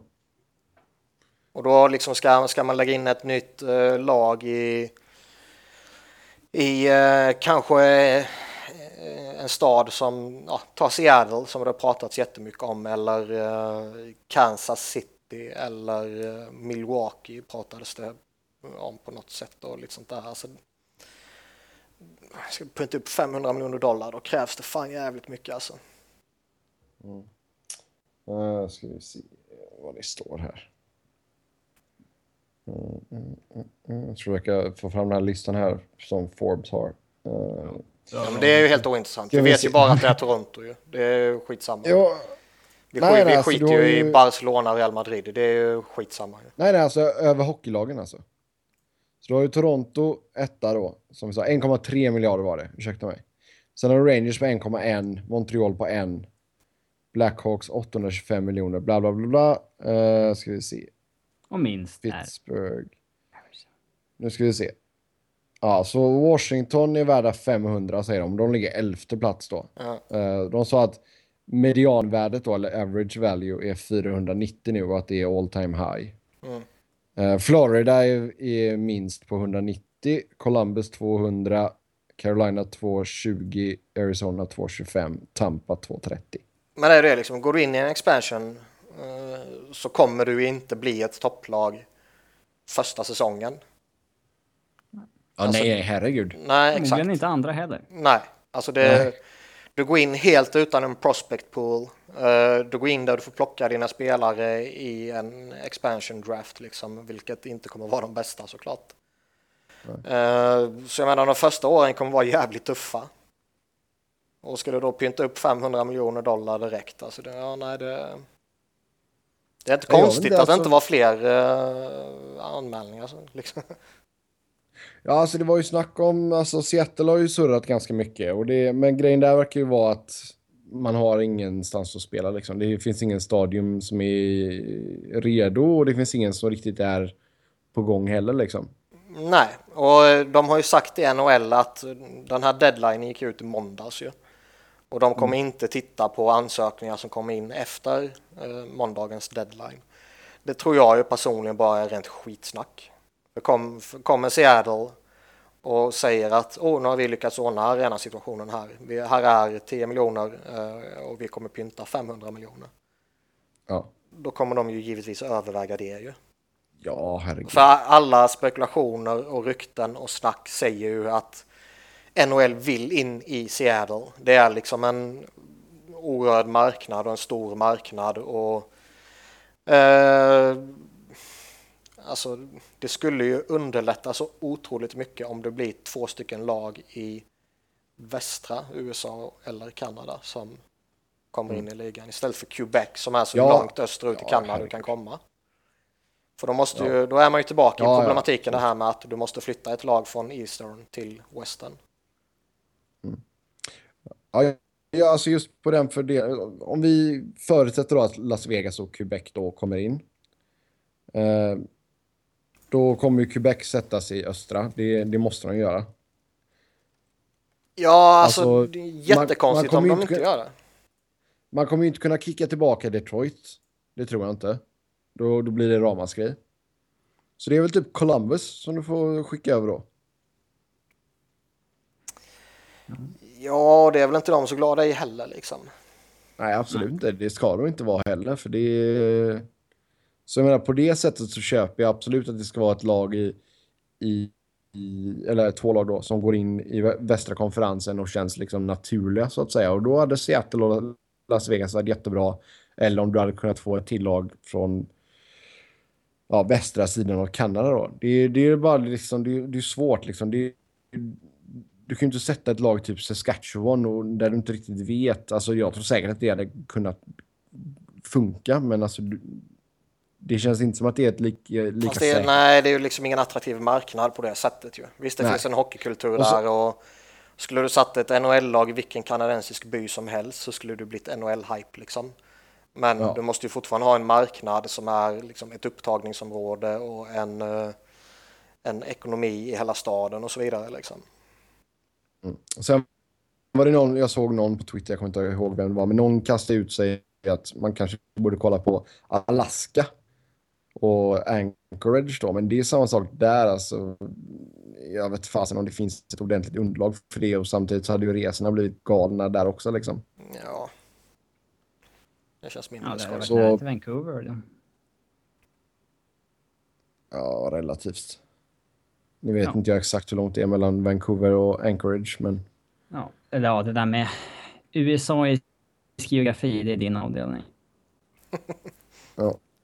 Ja. Jag vet, jag vet Den, den geografin är inte jättesvår Robin.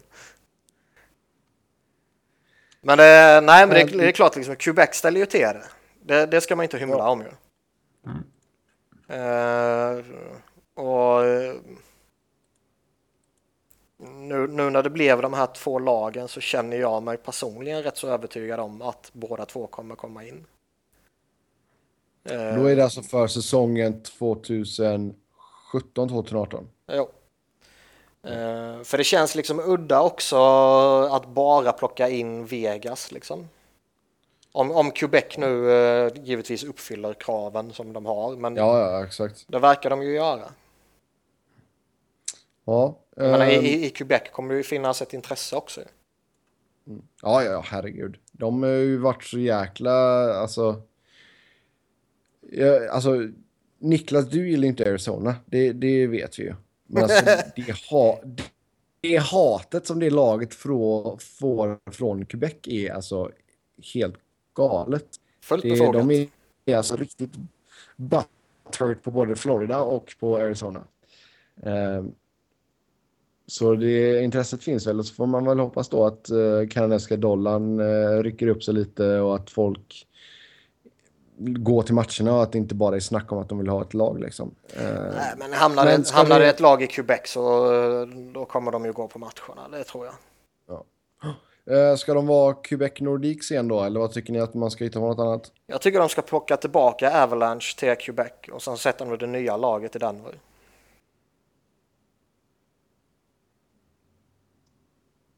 Är tystnaden talande?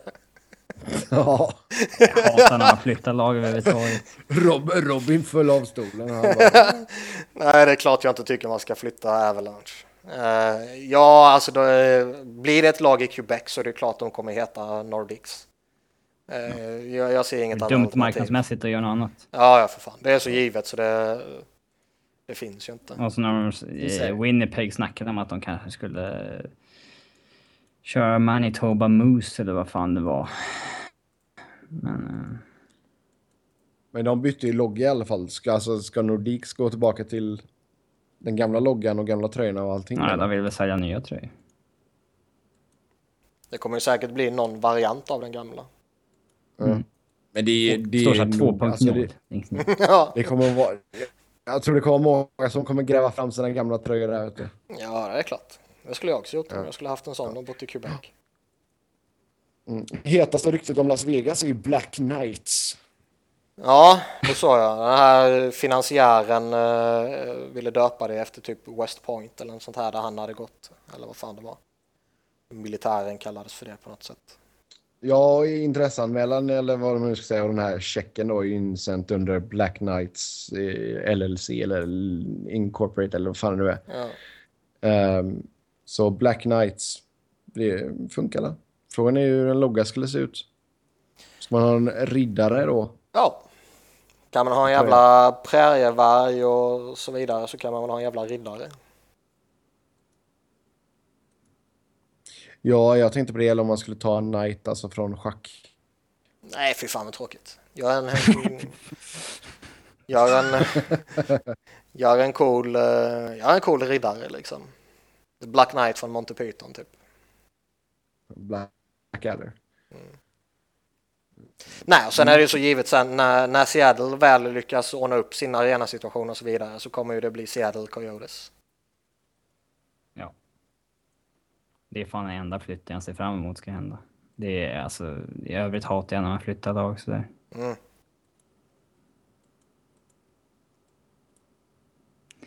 Mm. Ja, vi får se. Vi får se.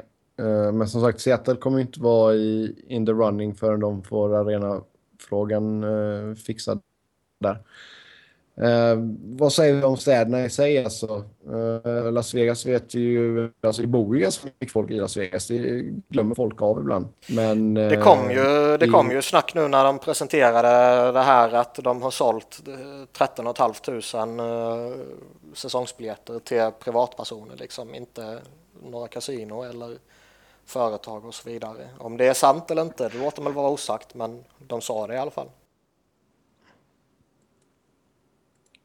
Nej, alltså jag tror verkligen att intresset finns där, alltså att de, om de får ett lag i en, alltså en av de stora proffsligorna. Liksom. Det, Så att, att när det varit snack om att man är Vegas, det är ju ingen som bor där och det, det kommer aldrig funka. men alltså, att, ja det är ju lite överdrivet givetvis. Men jag, jag, tror det är, ja. jag, jag, tror det på ett sätt tror jag är det väldigt talande att ingen av de stora proffsligorna har kommit till Vegas. Uh, för jag tror ja, det, det finns en stor... Det har att göra. Vad sa du? Med... Det har ju med stigmat att göra över Las Vegas som ja. stad. Ja, Nej, det är all, klart det är det. Liksom. Och, liksom. Men det, och sen finns det ju liksom, det finns ju orosmoln och frågetecken. Det kommer man inte ifrån ju. Vegas är ju trots allt Vegas. Eh, oavsett om man har ja, alltså- fördomsfulla alltså, liksom, meningar och allt sånt där så är det ju. Nej, men, ja, alltså det, är, alltså det är ju sin city. Det kallas ju sin city för en anledning liksom. Det du får ha en jävla självdisciplin som spelare där alltså. Det är en sak som är jävligt säkert. Frågan så, är om det kommer vara ett attraktivt lag eller om folk kommer titta på det med avsky. Och då menar jag spelarna. Ja, du. Alltså, sett till levnads... Alltså, det, det är ju så mycket som väger in. Alltså, självklart så vill du ha så mycket betalt som möjligt. Jo. Tror jag de flesta spelarna jo, tycker i alla fall. Givetvis. Och sen men sen vet man ju inte riktigt, alltså vissa spelare kanske tycker att ja, klimat spelar jättemycket in. Jag kommer från ryska tundran, jag ska fasen inte bo i Winnipeg liksom. Det, då kan jag lika bra stanna i Sibirien. Uh, så det är klart att vissa spelare känner, ja visst, det är sommar och det är 30 grader. Ja visst, fine. Andra spelare kanske skiter i vilket. Det, det, då kanske det är mer liksom det sportliga som spelar in och då kanske man tänker att ja, men det här kommer inte vara någonting att ha på flera, flera år, så vad ska hit göra? Jag tror fortfarande pengar är det primära, men tittar man på, på Vegas som, som stad och som liksom ställe att slå sig ner i och bo i och så vidare så tror jag ju Vegas ligger efter väldigt många andra städer. Ja, samt, alltså, samtidigt kommer du inte bo på strippen liksom. Det, ja, fan menar du det? Finns, det finns ju det finns ju fina liksom, suburbs till Vegas ja, också. Det är klart. Det där de kommer bo och sådär. Men det fattar väl vem som helst. Det, låt, det, låter ju inte, det låter ju inte bra när du liksom bara, jag ska flytta med familjen till Vegas. Mm. Det låter inte bra, det gör det inte. Nej, och jag, jag tror det är liksom... Jag, jag, alltså semester i Vegas, det är skitkul. Jag, det är ett av mina favoritställen, men det är ju aldrig ett ställe där jag hade velat liksom bo. ha en familj. Nej. Raise Nej, med att bo och ha familj liksom. Nej, exakt. Ja, exakt. Får, får de ett NHL-lag så kommer jag vilja åka dit. Men eh, jag skulle ju inte vilja bo där. Ja, då hänger jag med. Ja, och liksom som du säger fostra en familj och så vidare. Det känns ju Vegas jättefel för. Mm. Då är Växjö bättre. Så... Då är Växjö bättre. Då fanns till och med Arizona bättre. Ja. Det... Alltså just ur, just ur, alltså ur, ur uh, levnadsperspektivet så är ju Arizona... Oh, Arizona är väl inget problem. Nej. Absolut inte. Det är, och det är väl därför alltså, så, alltså, Kalifornien är ganska attraktivt också. Liksom. Det, det finns eh, väldigt många sämre ställen man kan bo på. Så är det. Mm. Och det är därför Edmonton och Winnipeg kan ha det lite svårt ibland. Det är ju som sagt Sibirien. Ja, Quebec. Jag, jag har inte jättebra koll på hur Quebec City är som stad. Nej, jag har aldrig varit där. Tycker man... Du som bor på den sidan jordgloben. Jo, men det är alltså ofta när man snackar liksom den sidan av Kanada så... Jag gillar ändå Montreal, att... Liksom. Uh... Montreal ska vara en skittrevlig stad tydligen. Ja, jag gillar ändå att ett av, en, av, en av marknaderna i alla fall blir en riktig hockeymarknad. Jag säger hellre att man gör så än att man försöker skapa en ny hockeymarknad sådär. Mm. Ja, alltså det är klart att alltså, Quebec är ett ja, säkert kort, om man nu säger så. Liksom. Det, jag menar, det finns ju anledningar till att de flyttade, men... Jag ser inte expansion de, som det vissa andra gör. Det har, de ju, det har de ju visat i Winnipeg, att det, det går att ta tillbaka ett lag och få det att funka. Liksom. Ja, jag, jag tycker inte att ex, alltså, anledningen med expansion är att skapa fler hockeyfans. Snarare att hockeystäder ska få sina lag. Mm. Expansion handlar om att tjäna mer pengar. Ja. Det är, bot det är faktiskt bottom line för NHL. Det är att tjäna pengar. Ja, det är klart. Det är ju det enda bett man det ska vi inte, ja, det ska vi inte sticka under stol med fem öre.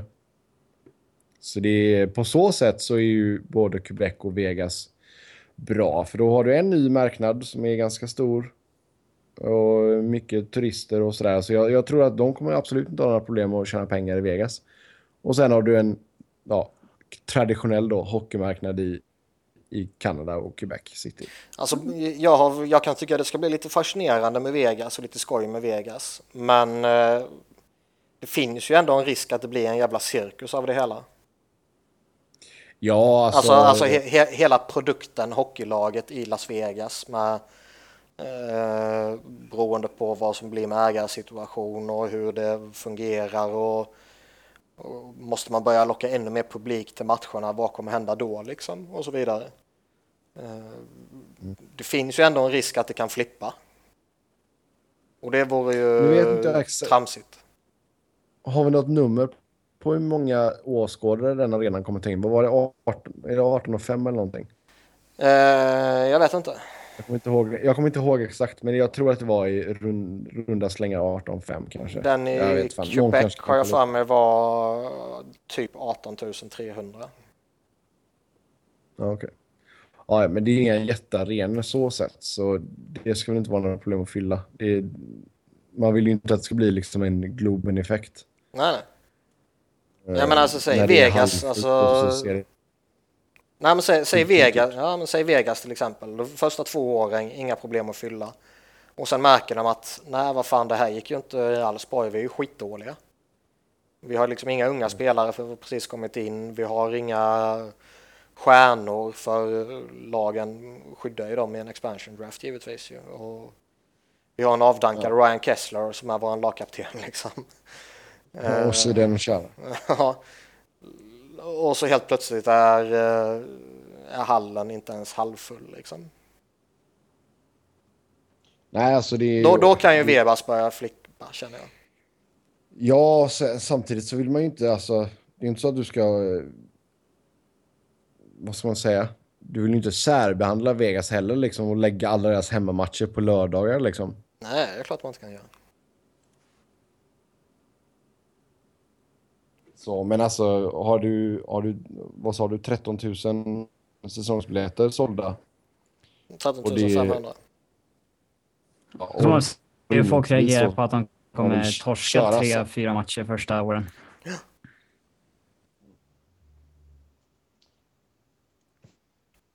Ja, sen blir det väl alltså, vad hade man tre, vad var det nu Winnipeg gjorde? Tre eller fem år var du tvungen att signa upp det på va? Ja, det minns jag inte. Ja, eh, fem tror jag, men det går ju att göra på ett annat sätt där än i Vegas. Ja. Mm. Vegas fanns det väl yes. olika alternativ. Man kunde signa sig på fem år och tre år och kanske ett år till och med och lite sånt där. Ja. Nej, men sen så får det ju bli så att alltså, du får ju försöka ha ett bra samarbete med kasinorna också. Liksom att de får köpa biljetter till reducerat pris och sen kan man ge ut det som vinster eller komps eller liksom sådär. Också. Men det är, det är då det blir så ännu mer plastigt än vad redan är. Det är för mycket USA. Ja, då är det för mycket trams och för mycket liksom... Eh, för det är det jag menar med att man liksom gör en cirkus av det hela, att det blir massa kasinon som måste fylla arenan och det blir massa hotell som måste fylla arenan och så vidare. Kommer man ha slots inne i arenan? Ja, alltså det är ju bara en tidsfråga. Om det inte blir det direkt så är det bara en tidsfråga innan det blir det ju. Kommer man ha de snyggaste cheerleadsen i ligan? det är för kontroversiellt att svara på. Nej, de, de, kör, de tar in eh, de, eh, jag twittrade det häromdagen. Man kan bara hyra in de riddarna från Excalibur-hotellet. Mm. Sätt, dem på, sätt dem på skridskor bara i full rustning. Mm. Eh, det kan ju vara en grej att köra i periodpausen i och för sig. Vad heter Nej. det när man rider på Ja, men det, det är, sån, det är sådana idiotförslag du kommer med nu som jag menar att det blir en cirkus av hela skiten. Det är det jag absolut inte vill se ju. Det där är du är USA-skadad av sånt där. Ja, och det är ju det som jag liksom fruktar. Att det blir massa sån här skit i Vegas. Det ska ju vara ett hockeylag för fan. Det ska ja. inte vara en jävla... Jo, men... Det ska jo, inte vara en... Men så är det ju. Det blir ju bara mer och mer show här. Så är Ja, det. men det är ju det som är, det är den utvecklingen man inte vill se. Nej, men den har ju hållit på länge. Ja, men det är den menar, bara en, utvecklingen man sån, inte bara, en längre sån, vill bara, se. en så, bara en sån grej att liksom man tar upp grejer på jumbotron när det står att folk ska klappa liksom. Det är... Ja, men det är en piss i- Det sker ju överallt ju för fan. Det är Ja, ja, ingenting ju. det är... Jämf jämför det med att skicka ut en jävla riddare på isen i halvtid. Eller i Ja, periodpausen. ganska roligt. Nej, för helvete.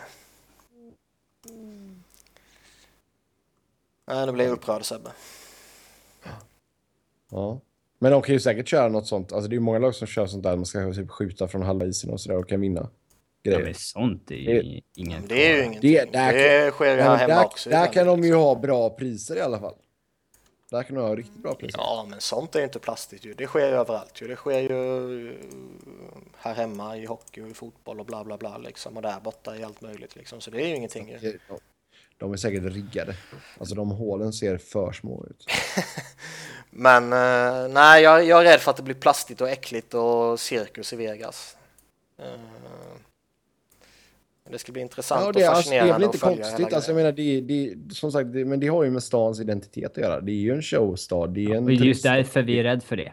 För Ja. att det Vi finns skulle, för det. ja, jag är inte rädd för det i Quebec. det är ju för att det är just Vegas som man är rädd för Ut där. Nej, exakt. snömonstret Allan liksom. Ja. Mm. Alltså i Quebec är det ingen fara ju. Det kommer ju bli på riktigt. Mm. Nej, men ja, vi får se. Vi får se. Expansion-draften känns ju lite tidigt att ta redan, men det... Eh, Ja, det får man- Få några, de, de kommer i alla fall få några stora namn så att säga. Sen ifall det, Ja, namn får de ju. det fortfarande kommer vara spelare som är någonting att ha. Ja, är Vin, eller Cavalier avslutar i Quebec liksom. Men eh, nej, expansion draft är svårt att göra innan man vet förutsättningarna för liksom, hur många målvakter, backar och forwards man får skydda.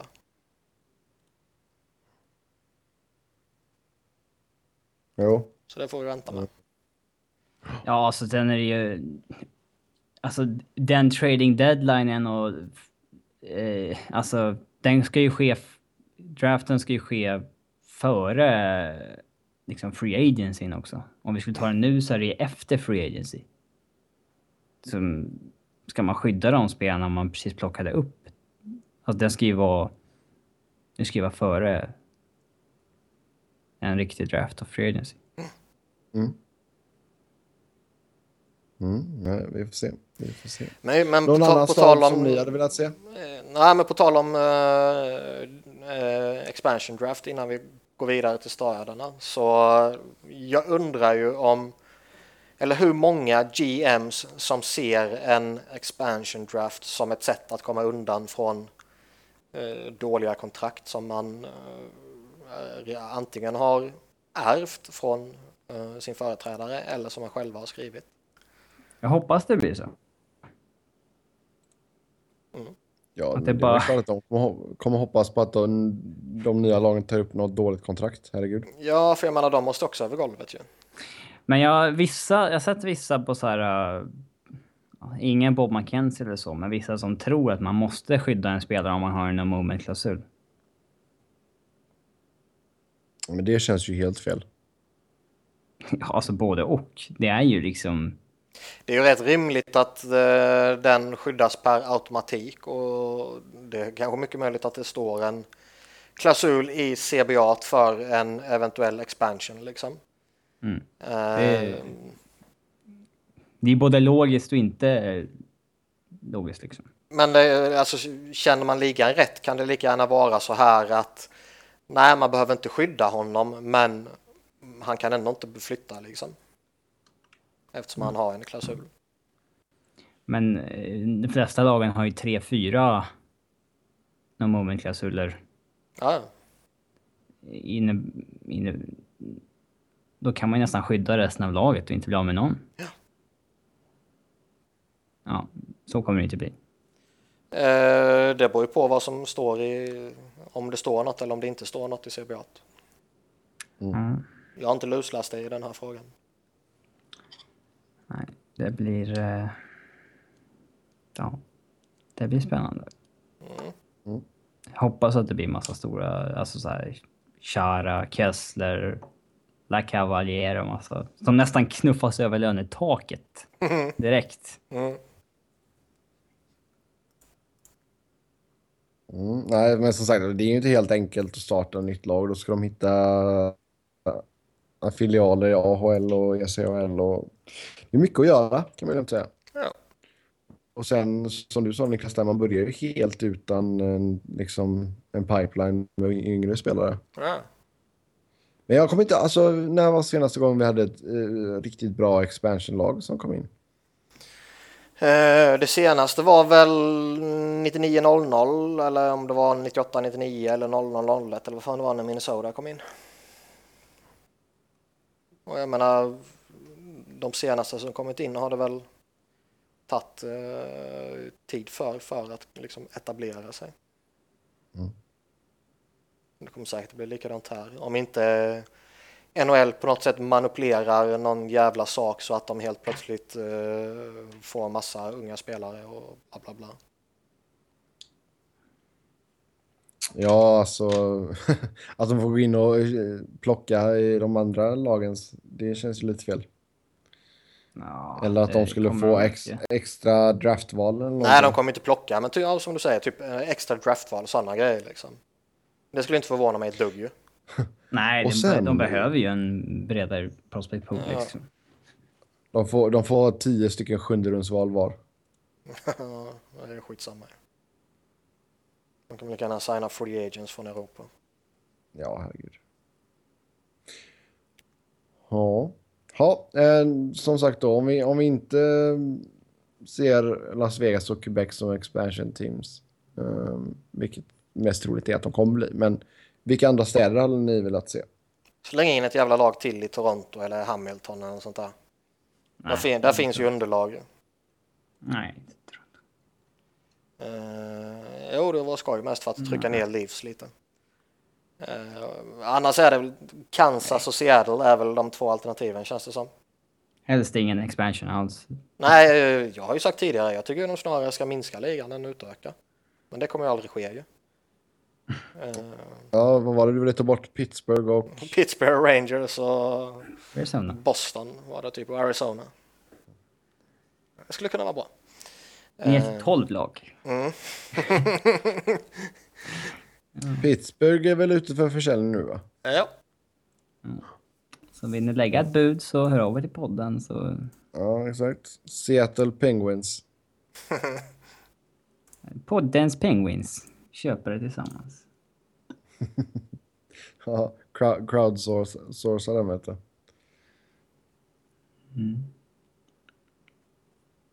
För, första dagen där Niklas går in som GM och bara Crosby, vi behöver ta ett snack. ja de måste skärpa sig. Ha, med Idag, idag är det ju förresten eh, tio år på dagen sedan eh, NHL manipulerade lotteriet och gav första valet till Pittsburgh. Så de fick Crosby. Mm. Så grattis Pittsburgh säger vi då. Ja, jävla tur. Och eh, rundar av med det. Som vanligt så kan ni köta hockey med oss via Twitter. Mig hittar ni på att Noren. Niklas hittar ni på att Niklas Wiberg. Niklas med C och enkel V. Och Robin hittar ni på R underscore Fredriksson. Så skicka gärna in fler lyssnarfrågor till Niklas trots att han är dålig på att eh, sk- skriva vem det är som har skickat in frågorna. Jag tror inte folk bryr sig om eh, det alltså. Va? Man vet aldrig. Man vet aldrig. Men tack till er som har skickat in frågor. Så, så gör vi i alla fall. Eh, Stort tack. Eh, Så fortsätt gärna med det och så tar vi upp dem i kommande program. Och så eh, skicka, om ni vill att vi ska ta ut några andra listor och sådär så skicka gärna in förslag på det också. Sämsta Så spelarna kommer nästa gång. Sådär, ja, då har vi lovat ut det också. Ja, Så tills nästa gång, ha det gött. Hej!